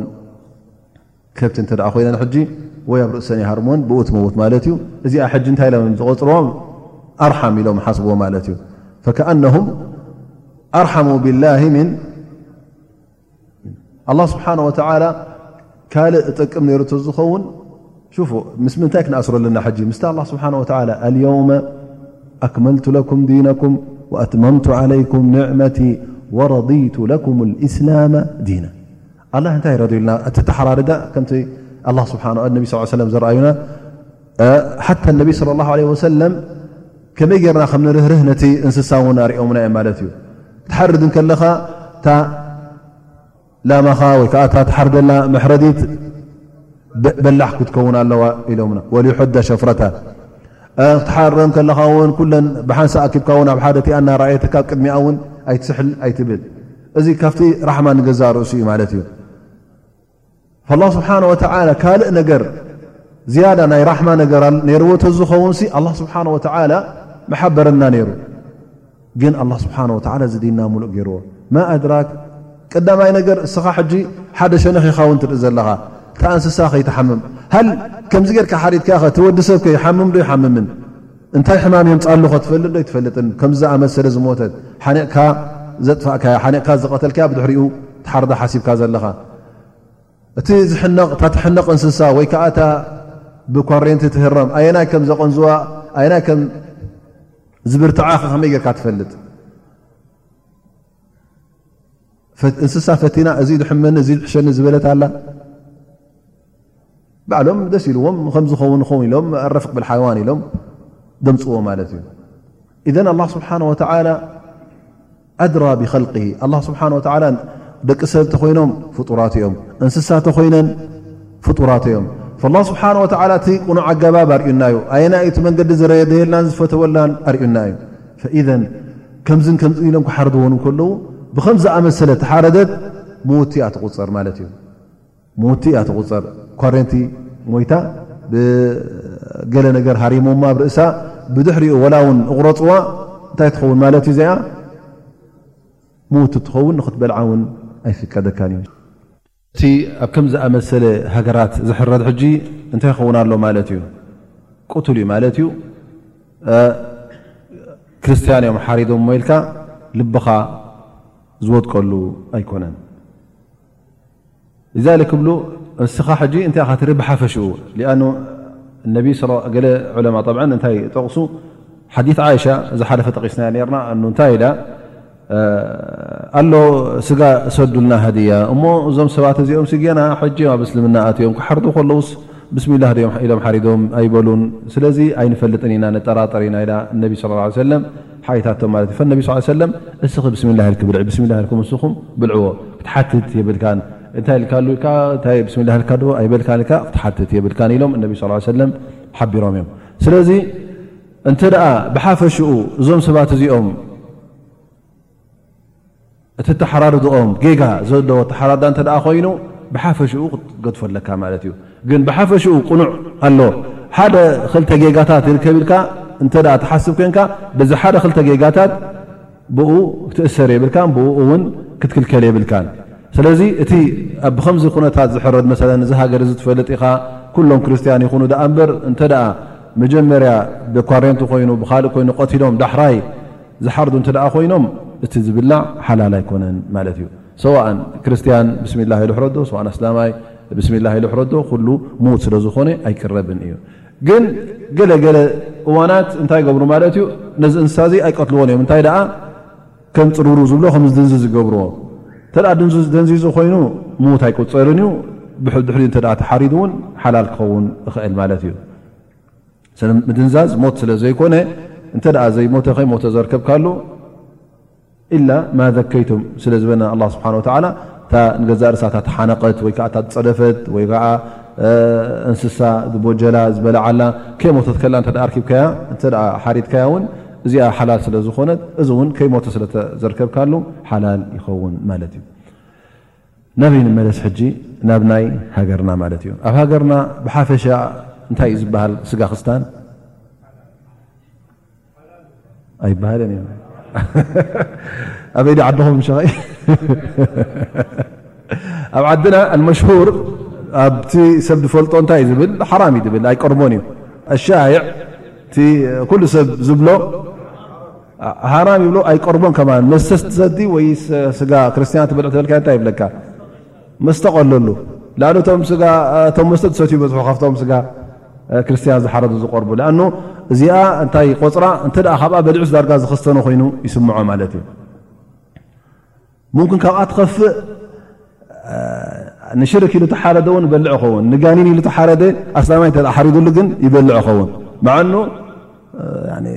ሹፍቲ ተናቁድ እቲ ክልተ ኣንፃር ክንርኢ እተ ኮይና ንኣብነት ገለ ገለ ሰባት ጸሊም በጊዕ ንጋኒን ሕረድ በሃል ይሓረድ ውን ካብኣ በልዕ ብዘየገድስ መዓኑ እዚ ሕጂ ሽርክ እዩ ንላ ላ ተሓረደትን ወማ ሂላ ሂላ ይር ላ እዚ ሓራም እዩ ኩሎ ዑለማ ሙተፍቂን ዓለ ወላ ብስሚ ላ ኢልካ ኣልፍ ብስሚ ላ ተበልካሉ እውን ሓላል ኣይከውንን እዩ ኣኑ ታንያ ንካልእ ስለ ዝኾነ ጠብዓ ናይ ዓድና ክንሪኦ እንከለና ብሓደ ሸነኽ ጌጋ ኣለዎ፣ ብሓደ ሸነኽ ድማ ቅንዕና ኣለዎ። ኣብ ዓድና ጠብዓ ኣይፈላልዩልካን እዮም፣ ግንቲ ዘሎ ሽግር ኣብ ዓድና ኣይፈልየልኳን እዮም። ከመይ እንተበልካዮም እዞም ሰባት እዚኦም ክሓዱ ከለዉ ቀዳማይ ነገር እብሉኻ እቲ ተሓራርድኦም ፅቡቕ ገይሮም ኣይሕልልዋን እዮም ምናልባሽ ብኻ ካብዚ ከንፈራ ጀሚሮም ከም ዝናሓርሓርዋ እዮም ዝኸዱ ብ እዚ ሕጂ ማ የጁዝ ተዕዚብ ማለት እዩ ግን ክሳዳ ንድሕር ተቆሪፃ ብኣ እንተ ተሓሊላ ተሓሊላ ማለት እዩ ካልኣይቲ ነጥቢ ጠብ እዞም ሰባት እዚኦም ክሓርዱ ከለዉ ሽርክ ገይሮም እዮም ዝሓርዱ ብስም ኣብ ወልድ መንፈስ ቅዱስ ኢሎም እዮም ዝሓርዱ እብልኻ ሕጂ ክልተ ነገር ክንፈላሊ ኣለና ማለት እዩ እቲ ኢማን ናቶም ብስላሴ ዝኣምንዎ ሓድሽ ኣይኮነን ናይ ቀደም እዩ ቁርን ክወርድ ከሎ ኣላ ስብሓን ወተላ ናይ ኣህሊ ክታብ ሓላል ዩ ክብል ከሎ እዞም ሰባት እዚኦም ጌጋ እምነት ነይርዎም ብሰለስተ ስላሴ ይኣምኑ ነይሮም ማለት እዩ ሓድሽ እምነት ኣይኮነን ብሰለስተ ስላሰ ክኣምኑ እናኣመኑ ከለዉ ግን ኣላ ስብሓን ወተዓላ እቲ እሶም ዝሓረድዎ ሓላል ከም ምዃኑ ሓቢሩና ማለት እዩ ግን ክሓርዱ ከለዉ እዩ ዘሎ ሕጂ ትዘረባ እንተ ደኣ ጠብ ብስም ኣብ ክበሃል እንከሎ መን እዮም ዝሓስብዎ ሶም ኣላህ ስብሓን ወተዓላ ወይ ከዓ ኣምላኽ ወይ እግዚኣብሄር ማለት እዩ ወልድ መን እዩ ዒሳ ዓለይ ሰላም ድሕሪኡ ድማ መን መፅእ መንፈስ ቅዱስ እሶም መንፈስ ቅዱስ ጠብዓ ጀብሪድ ኣይኮኑ ዛብ ላኪን ሩሕ ኣልቅዱስ ብልኻ እቲ ኣብ መንፈስ ኣብ መንጎ ኣላህን ኣብ መንጎ ዒሳን ዘሎ እቲ ናብ ሰይዳ መርየም ዝወረደ ዳሕራይ ንዒሳ ተኸለቀሉ ማለት እዮም ከምዚ ገረም እዮም ዘምፅኡ ዓላ ኩሉ ሓል እዘን እንተ ከምዚ ገይሩ ክሓርድ ኮይኑ ብ ጀሃንም ናይ ሽርክ ኣለዎ ማ ከኣ እንታይ የብላ ኣሎ ብስሚ ኣላ ወዒሳ እብል ኣሎ ማለት እዩ እዘን ጥራይ ሽም ረቢ ኮነን ዘኪሩ እንታይ ደኣ ዒሳ ዝክረላ ኣለዎ በዚ ምናልባሽ በዚ እውን ትሕረም ትኽእል ማለት እዩ ግን እምነቱ ሰለስተ ስላሰ እንከሎ ብስም እዚ ኣነ ሕጂ ብስም ኣምላኽ ኢለ ብስም ኣላ ኢለ ክሓርዳ ብስም ኣምላኽ ብስም እግዚኣብሄር ጥራይ ኢለ ክሓርዳ እንተ ኢሉ ኮይኑ ግን እንታይ ትኸውን ሓላል ትኸውን ክትሕርማ ኣይትኽእልን ኢኻ ስለዚ እቶም ንዓድና ምናልባሽ እዚ ሸነኽ እዚ ጥራይ ሪኦም ምኾኑ ክሓርድ እንከሎ ብስም ኣላህ ጥራይ ኣይኮነን ዝብል እንታይ ደኣ ሰለስተ ስላሰ ስለ ዘምጻሉ ሽርክ ኢና ንቕጽብጽቦ ኢሎም ሽርክ እንተ ኢሎሞ ኮይኖም ነዚ በዚ ይሕርሙ ይኾኑ طብ ካልኣይ ነገር ድማ ምናልባሽ ትሶም ሓሲቦሞ ነበሩ ሚንባብ ኣልወላእ ወልበራእ ቆጺሮሞ ክኾኑ ይኽእሉ እዚ ግን ኣላህ ስብሓን ወተዓላ ዘግፍሓልካን ምኽንያቱ እሱ እውን ኣብ ሓደ ህብረተሰብ ወይ ከዓ ኣብ ሓደ ዓዲ ኣብ ሓደ ከተማ ኣብ ሓደ ቦታ ምስኦም ትነብር ስለ ዝኾንካ እዩ ኣላ ስብሓን ወተዓላ እዚ ነገር እዚ ሓሊሉልካ ስለዚ እቲ ኣላ ስብሓን ወተዓላ ዝሓለለልካ እውን ባዕልኻ ከተፅቦ እንተ ደኣ ካልእ ሳዕቤናት ጉድኣት ዘየምፅእ ኮይኑ ባዕልኻ ክትገድፎን ክትሕርሞን ኣየድልን እዩ ካልኣይ ነገር ድማ ክንፈልጦ ዘለና ሓደ ሰብ ኣነስ ኣይደልን ኢሉ ክገድፎ ከሎን ሓራም ክብሎ ከሎን እውን ክልተ ዓይነት እዩ ማለት እዩ እስኻ ደስ ኣይበለካን እቲ ተሓራርድኦም እቲ ፅርቶም እቲ ካልእ ነገራቶም ደስ ኣይበለካን ኣነ ኣይቀርቦን እየ ተልካ ስኸፍክፍ ኢሉካ እዚ ናትካ ጉዳይ እዩ ግን ሓራም እዩ ክትብሎ ከለኻ ሓራም ዝብል ሓላል ዝብል መን እዩ ኣዮ ኣታሕሊል ወታሕሪም ናይ ኣላ ስብሓን ወተላ ስለ ዝኾነ ኣላ ስብሓን ወተላ ዘይሓረሞ ሓራም ክትብል የብልካ ኣላ ስብሓን ወተላ እውን ዘይሓለሎ ባዕልኻ ሓላል እዩ ንሓራም ሓላል ንሓላል ሓራም ንሓራም ሓላል ክትገብር ኣይፍቀደካን እዩ ስለዚ በዚ ክልተ ሸነኽ ርኢና እቲ ጉዳይ ክበርሃልና ኣለዎ ማለት እዩ ግን እንተ ሓደ ነገር ክርስትያና እዩ ሓሪድዎ ብሙጀረድ ክርስትያና እዩ ሓሪድዎ ክትገድፎ የብልካን ሓላል እዩ ሓራም እዩ ክትብል እውን የብልካን ኢላ እንተ ደኣ እዞም ሰባት እዚኦም ወይ ከዓ ዝዓዲ ብምሉእ ትፈልጦ ኮይንካ እቶም ክርስትያን ክሓርዱ ከለዉ ብሽርክ ዝሓርዱ ሽም ናይ ካልእ ዝዘኽሩ እተ ኮይኖም ብሓፈሽኡ ስለ ትፈልጦ ናይ ኩሎም ተግባር ስለ ትፈልጦ በዚ ክትሕርሞ እተ ኮይንካ እዚ ካልእ ነገር እዩ ግን እንተ ብሙጀረድ እኖ እዚስ ክርስትያን እዩ እዚ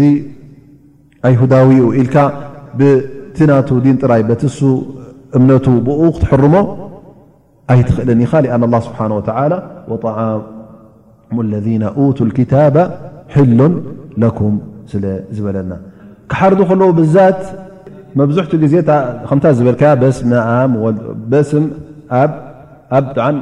ኣቦ ማለት እዩ ወልድ ወ ያነ ነፍሰ ሸ ወ ወድን ማለት እዩ ከምኡ ድማ መንፈስ ቅዱስ ኢሉ ይሓርድ ማለት እዩ እዚኣ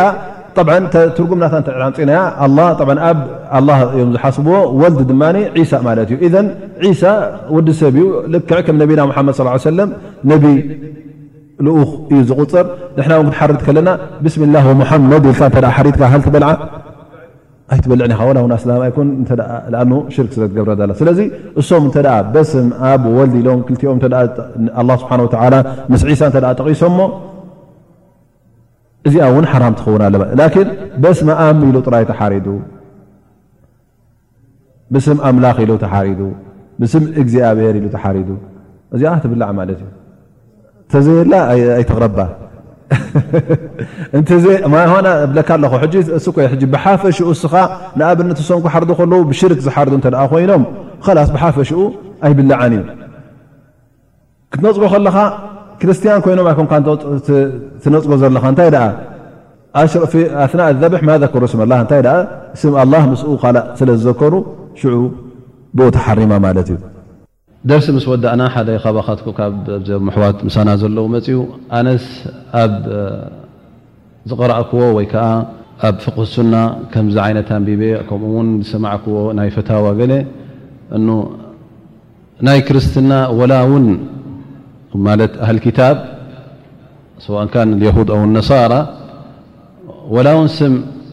ዒሳ ኮይኑ ወላ ውን ስም ገብርኤል ኮይኑ እንድሕር ዘኪሮም ሓሪዶሞ ውን ይብላዕ ከም ምዃኑ ሰሚዐ ወይ ቀርኤ ኣንቢበ ኢሉ ማለት እዩ ኣነ ሻዓ መልሲ ይሃብኩን እንሻ ላ ሙራጃዓ ጌርና ዳሕራይ ብትመፅ ዘሎ ሰሙን ብዝያዳ ትንተና ንበሉ ኢለ ማለት እዩ ኣብ ዝሓለፈ ሰው ን ገለገለ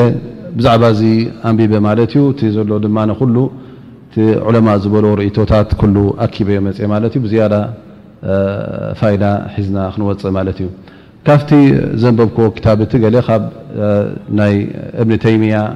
ኣብ ደቃኢቅ ኣተፍሲር ብዛዕባ እዚ ጉዳይ እዚ ብዙሕ ጠቂሱ ማለት እዩ። እቶም ኣኢማ እውን እንታይ እንታይ ከም ዝበሉ ብዛዕባ እዚ እውን ጠቂሱ ማለት እዩ።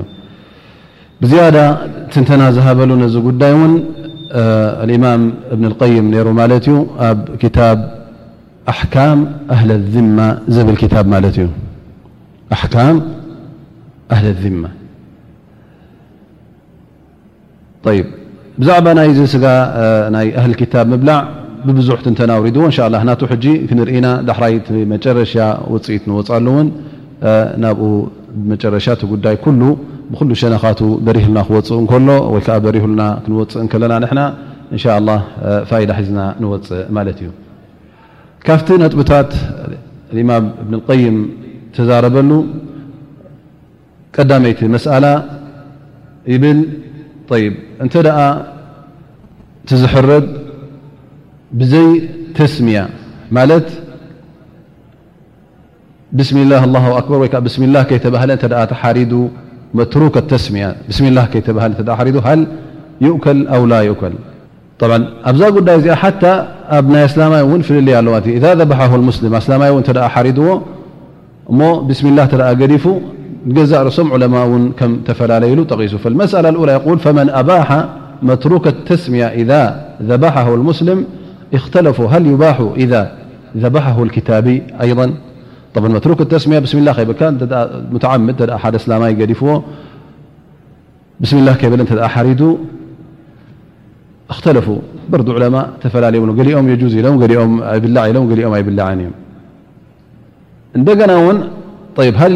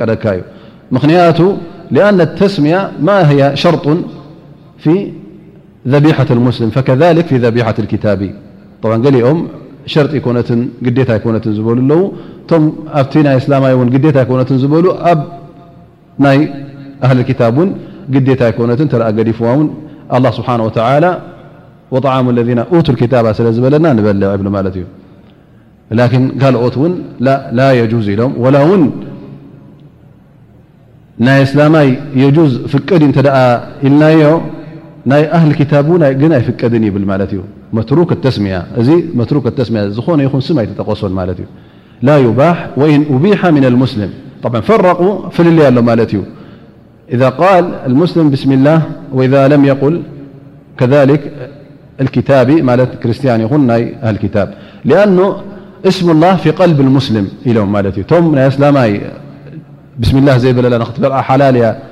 ዝበሉ ላኪን ናይ ኣህለል ክታብ ሓላል ኣይኮነትን እንተ ስቕ ኢሉ ሓሪድዋ ዝበሉ ይብሉ ናይ ኣስላማይ ኣስላማይ ኣብ ልቡ ብስሚላህ ስለ ዘሎ ወላ ብመልሓሱ ድኣ ይግደፎ ድኣ እምበር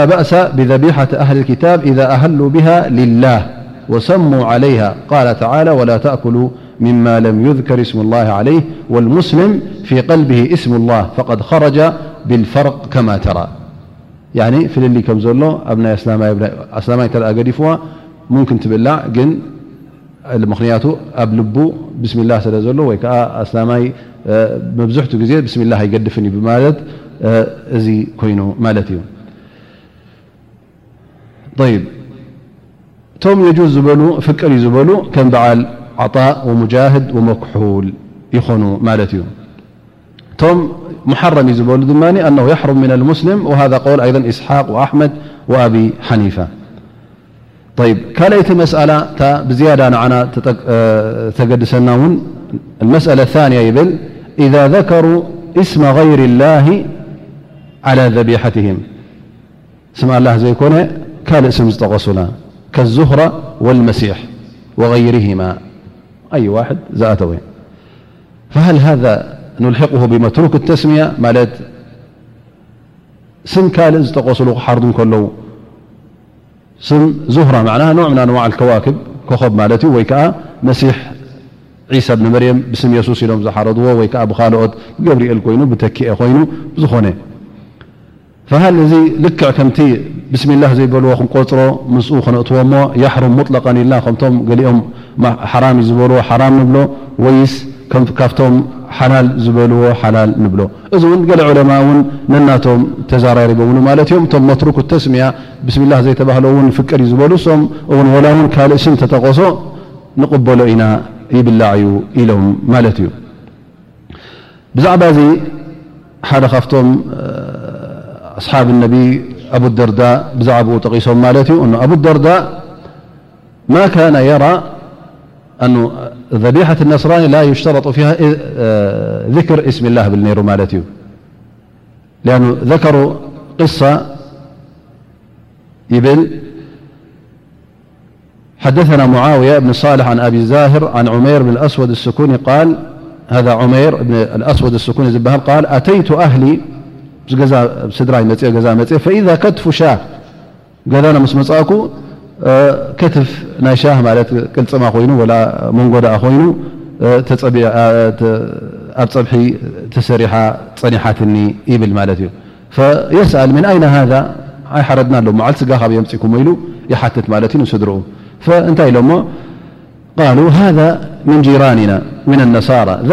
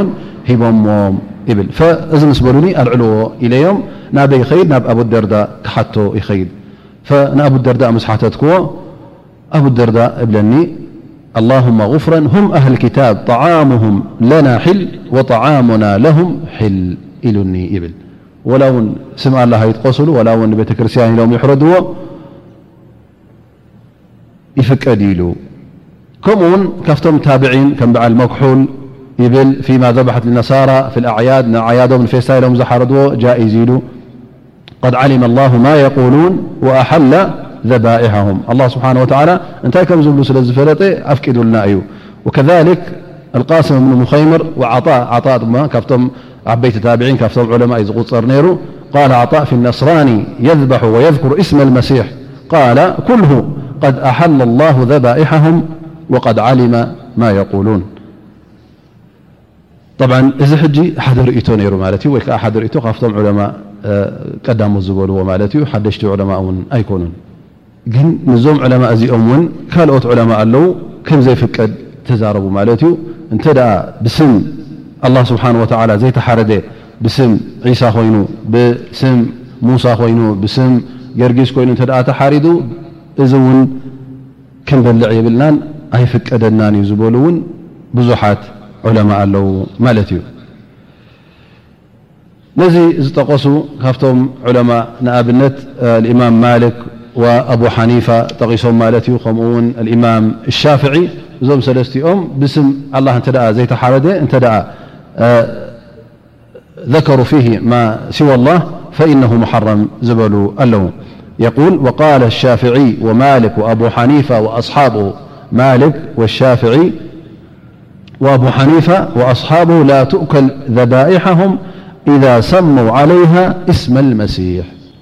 وفي رواية مشهورة أيضا عن الإمامأماإمام أحمد عنده قولان في المسألة وما أهل لغير الله أو ما ذكر فيه اسم الله في روايتان منصوصتان لكن يقول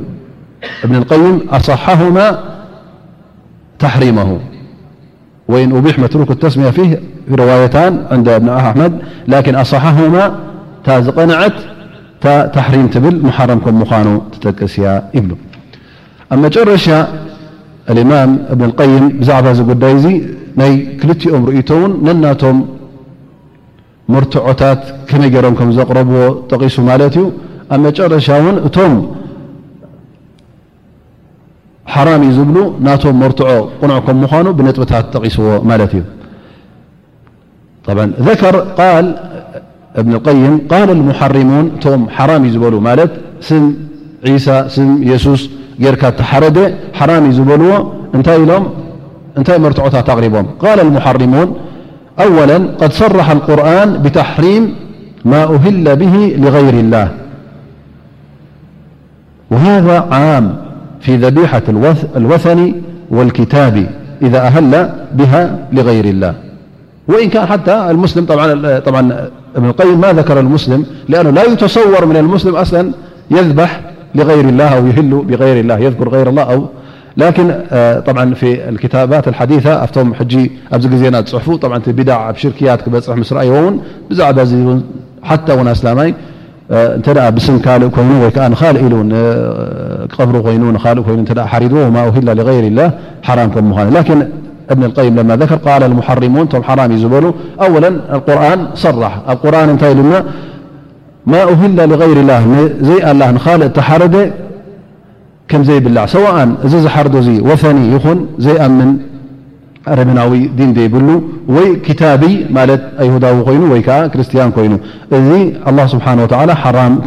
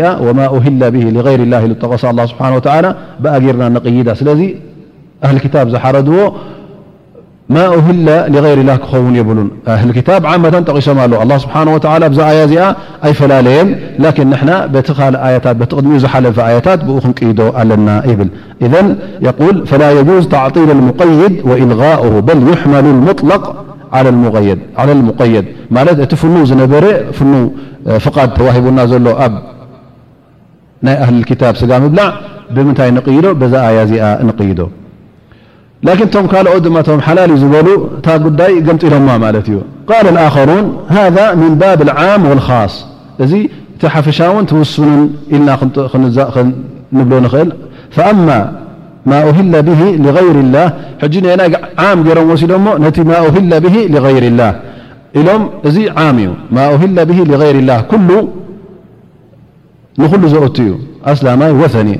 ላኪን ሙኸሰስ ዝብሉካ ነዚ ድማ ብምንታይ ንፈልዮ ኣላ ስብሓን ወተላ በታ ኣህል ክታብ ስግኦም ብልዑ ዝበለና ካብዚኣ ወፅያ ማለት እዩ ወለው ኢዛ ኡሂላ ብሂ ልገይር ላህ ይፍቀደና እዩ እምበኣር ይብሉ ማለት እዩ ፈታ ጉዳይ ብካልእ ሸነኽ ተረዲኦማ ማለት እዩ ጠብዓ የኽዋን እቲ ዕልሚ ሰፊሕ ስለ ዝኾነ ላ ስብሓን ወተላ ደቂ ሰብ ኩሎም ሓደ ዓይነት ኣእምሮ ይሃቦምን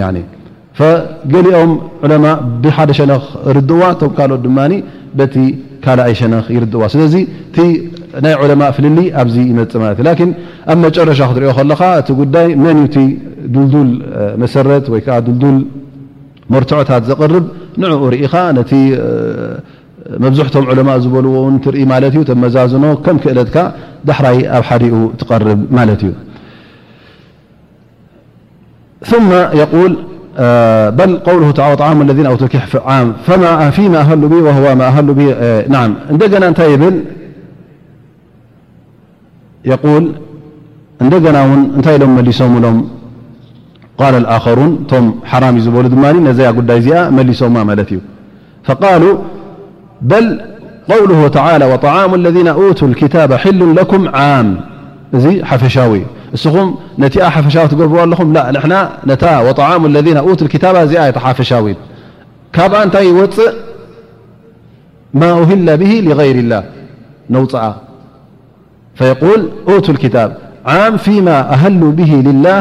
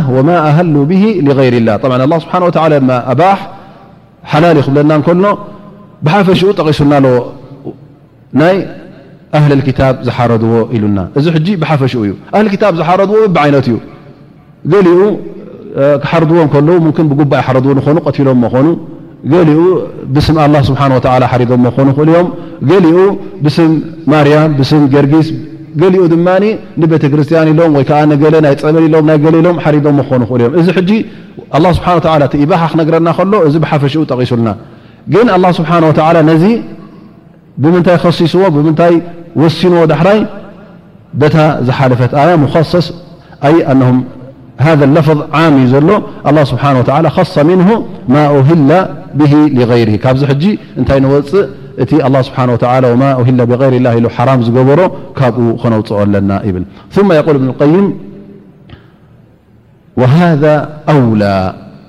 እዚ ርእይቶ እዚ እሱ እቲ ዝፀበቐን ዝበለፀን ይብል ማለት ነቲ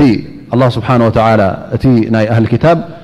ሓላል ክብለና ከሎ እዎ ብሓፈሽኡ ኣይወሰነልናን ብሓፈሽኡ ይጠቂሱልና ዘሎ ብ እዚ ሕጂ ከምዚኣ ላ ክትሪኣ ከለኻ ኩሉ እያ ተእቱ ክርስትያን ዝሓረድዎ ኣይሁዳውያን ዝሓረድዎ ከመይ ገይሮም ከም ዝሓረድዎ ኣይጠቐሰትን ኩሉ ኣላ ስብሓን ወተላ ሙባሕ ገይርዎ ግን ብምንታይ ንኽስሶ ወይ ከኣ እቲ ኻስ ናቱ ኣየናይ እዩ? በቲ ዝሓለፈ ኣየታት ኣላህ ስብሓነሁ ወተዓላ እቲ ሙሓረማት ጠቒሱልና። ስለምንታይ ኣነ እዚኣ ኣውላ እታ ዝበለጸት እያ እታ ቀዳምነት ዘለዋ ዝበልኩ ይብል ኢማም እብንልቀይም ሸሞንተ ገጽ ይጠቅስ ማለት እዩ። ስለምንታይ እዛ ነገር እዚኣ ሸሞንተ ዓይነት መርትዖታት የቕርብ። دم يبل أحدها دميت أنه قد نصى أو نصى سبحانه على تحريم ما لم يذكر عليه اسمه ونهى عن أكله وأخبر أنه فسق دمي نر الله سبحانه وتعالى شمو زيتتقصل نر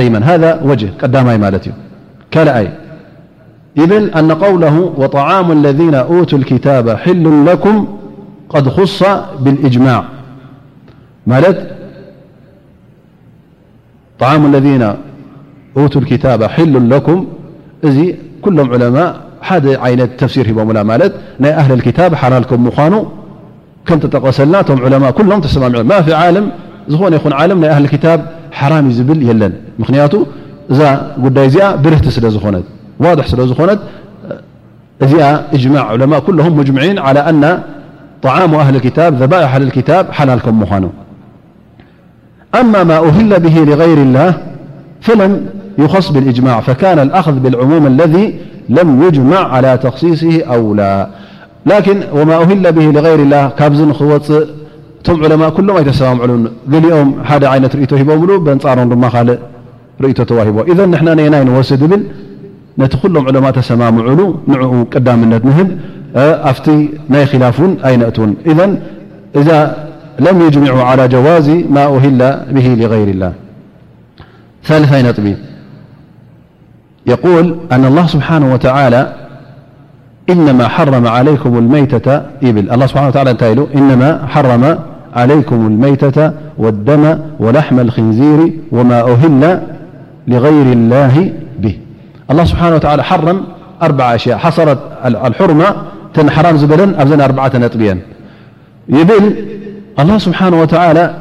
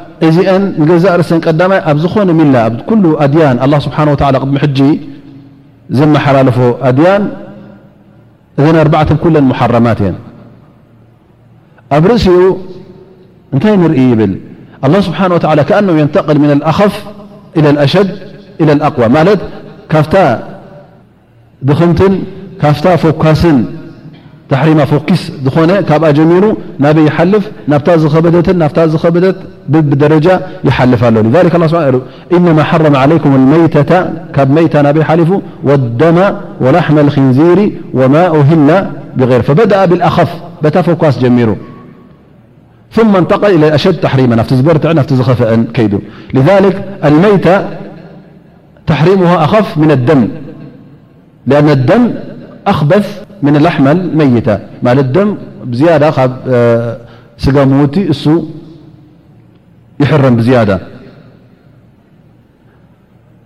ثم لحم الخنزير أخبث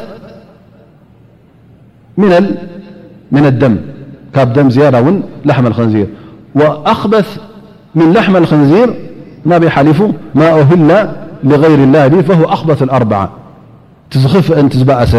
لذلك الله سبحانه و تعالى ببدرجا سلزخر إذن ما لم يذكر في بسم الله وما أهل لغير الله حرام خون ونظير ذلك نزأ مسلوتدارنابت آيات القرآن كتدارناب يقول الله سبحانه وتعالى إنما حرم ربي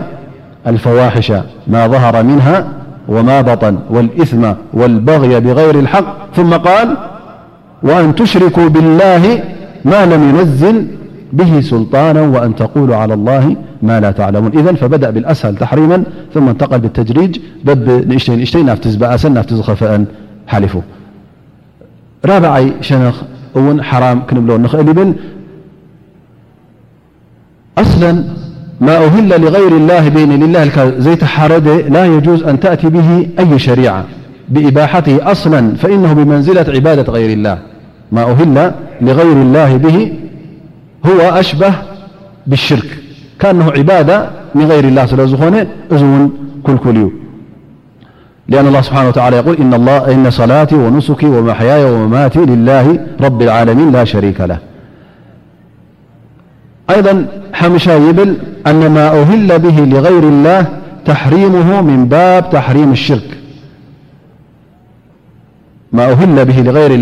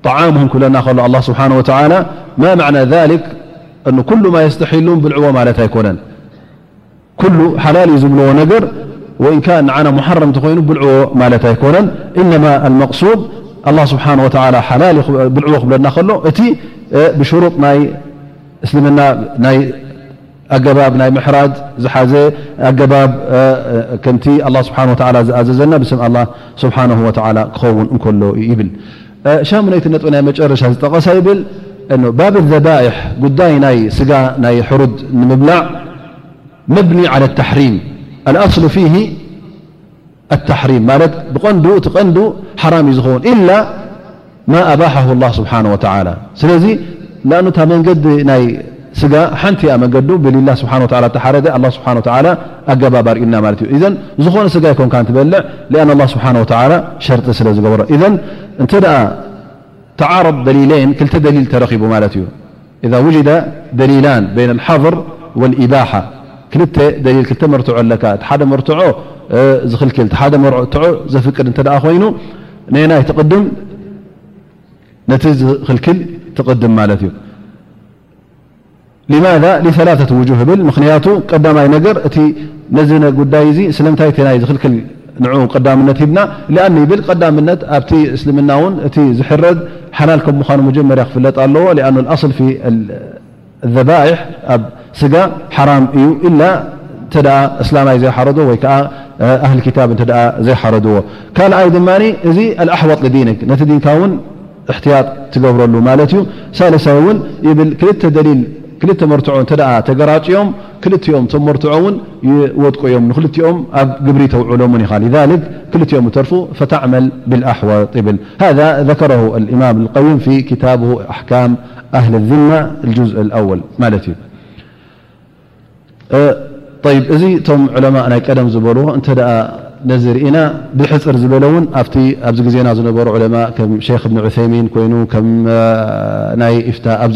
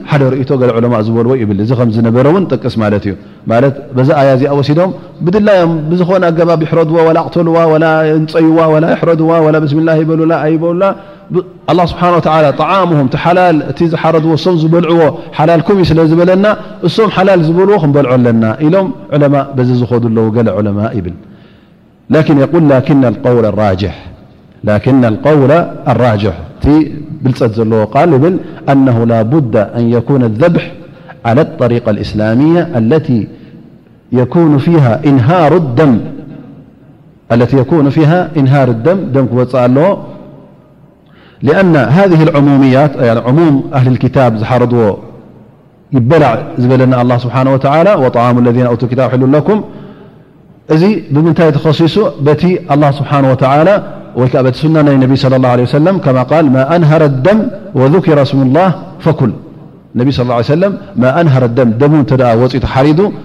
ስም ኣላ ስብሓን ወተላ እንተ ተጠቒስዎ ብላዕ ስለ ዝበለና ነዚ ክንቅበለ ነቲ ብሓፈሽኡ ዝተጠቐሰ ኣብ ቁርን በቲ ነቢና ሓመድ صለ ላ ለ ወሰለም ዝበልዎ ብኡ ቀይድና ብኡ ሓፂርናዮ ክንከይድ ይግባእ ይብል እዚ ሓደ ቃል ይኸውን ናይ እብኒ ዑሰይሚን ማለት እዩ ልጅነ ዳእማ ናይ እዚ ዓዲ እቶም ናይ ኢፍታ ክልተ ሕቶ ኣለዋ ካብተን ዘምጻእክወን ማለት እዩ ሕቶታት ተቐሪብዎም ማለት እዩ ይብል ቀዳማይ ሕቶ የቁል ማ ሕኩም ኣላሕም ኣለذ ዩጀዱ ፊ ልኣስዋቅ ወቀድ ዙቢሓ ፊ ልኻርጅ ሃል የጁዙ ልኣክል ምንሁ ስጋ ኣብ ሽቁ ሽየጥ ኣብ ሱፐር ማርኬት ሽየጥ ንረኽቦ እሞ እዚ ከምዝኣመሰለ ስጋስ ክንበልዖ ዶ ይፍቀደና ከመይ እዩ ኢሉ ሓቲቱ ማለት እዩ መልሲ እንታይ ትብል እንተ እንካና ሙዘኪ ኣንዓም ኣው ጥዩር እንተ እቲ ዝሓረደ ሰዋኣ ኣንዓም ጠለ በጊዕ ኮይኑ ወላ ውን ጭራሩ ኮይነ ተሓረዳ غይር ክታቢ ካብቶም ኣህል ክታብ እተ ዘይኮነ ከም በዓል ኣብ ሩስያ ዝነበረ ናይ ሙልሕዲን ሾሻሊዝም ዝመርቡ ሹዑያ ዝነበሩ ኣብ በዓል ቡልጋርያ ዝነበሩ ከምዚኦም ዝኣመሰሉ ዲን ዘይብሎም ብዲን ዘይኣምኑ እተ ሓሪዶሞ ጠብዓን ሩስያ ብልጋርያ ክብሉ እንከለዉ እዚ ከም ምስላ ተጠቒሱ ማለት እዩ እምበር ኣብ ዝኾነ ዓዲ ብሾሻሊዝም ዝኣምን ነይሩ ኣብ ዓድና እውን ኣብቲ ግዜ ሰውራ እንከሎ ብዝያዳ ሰብ ናይ ሰብዓታት ኮይኖም ሰማንያታት ሰብ ብዙሓት ሰባት ጠፊኦም ነይሮም ሽሙ ሽም ኣስላም ይሐዝ ደኣ እምበር ኣይሰግድ ኣይብል ብናይ ሾሻሊዝም ይኣምን ብናይ ሌኒን ማርኪዝ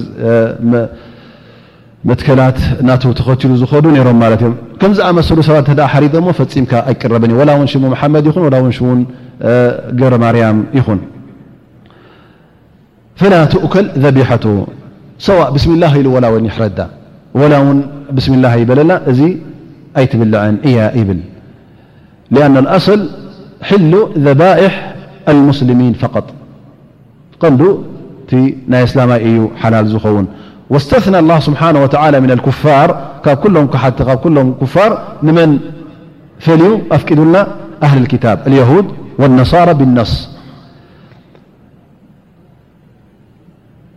ففأهل الكتاب فإن كان تذكيته إياها بذبح رقبتها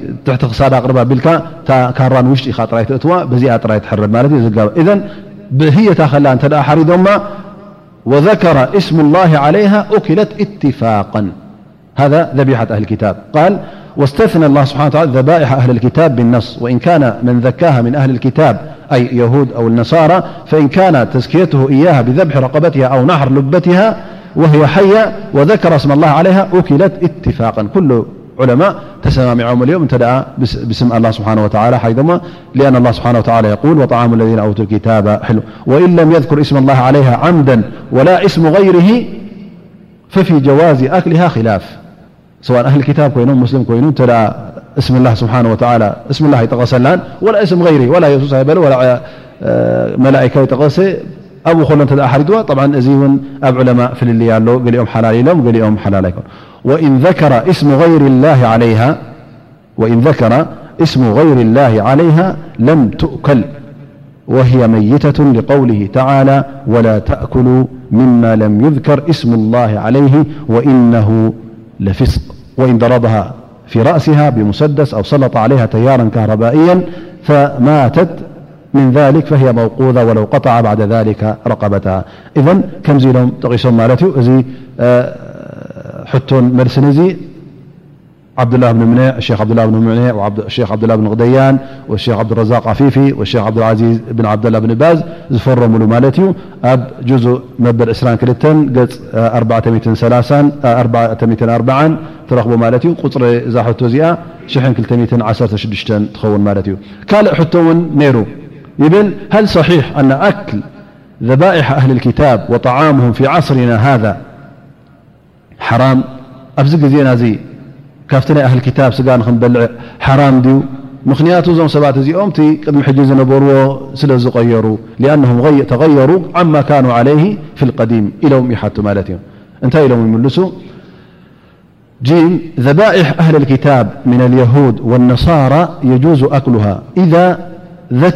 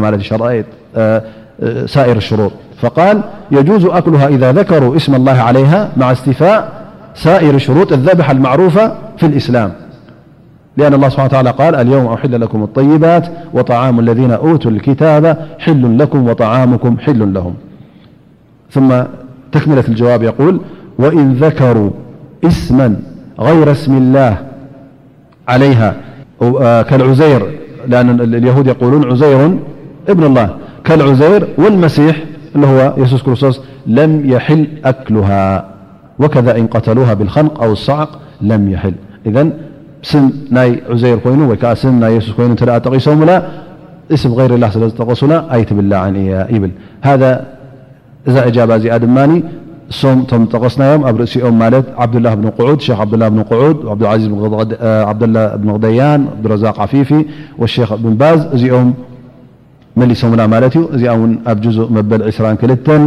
ገፅ ሰለስተ ሚእትን ተስዓን ሓደን ሰለስተ ሚእትን ተስዓን ክልተን ትርከብ ማለት እዩ። እዚ ሕጂ እቲ ጉዳይ ብዝያዳ ክበርሃልናን ክተንተነልናን ኢልና ኣኻኺብና ዝቐረብናዮ ማለት እዩ። ምኽንያቱ ዝሓለፈ እዞም ውን ብዙሕ ሕቶታት ነይሩ፣ ብቕድሚኡ ውን ብዙሕ ሕቶታት ነይሩ። ስለዚ እቲ ኩሉ ሕቶታት ምእንቲ ክዕጾ ሕጂ እንሻኣላህ እቲ ጉዳይ በሪሁ ክኸውን ተስፋ ይገብር ማለት እዩ። ናይ ሎሚ ደርስና በዚ ደው ነብሎ እንሻኣላህ ተዓላ።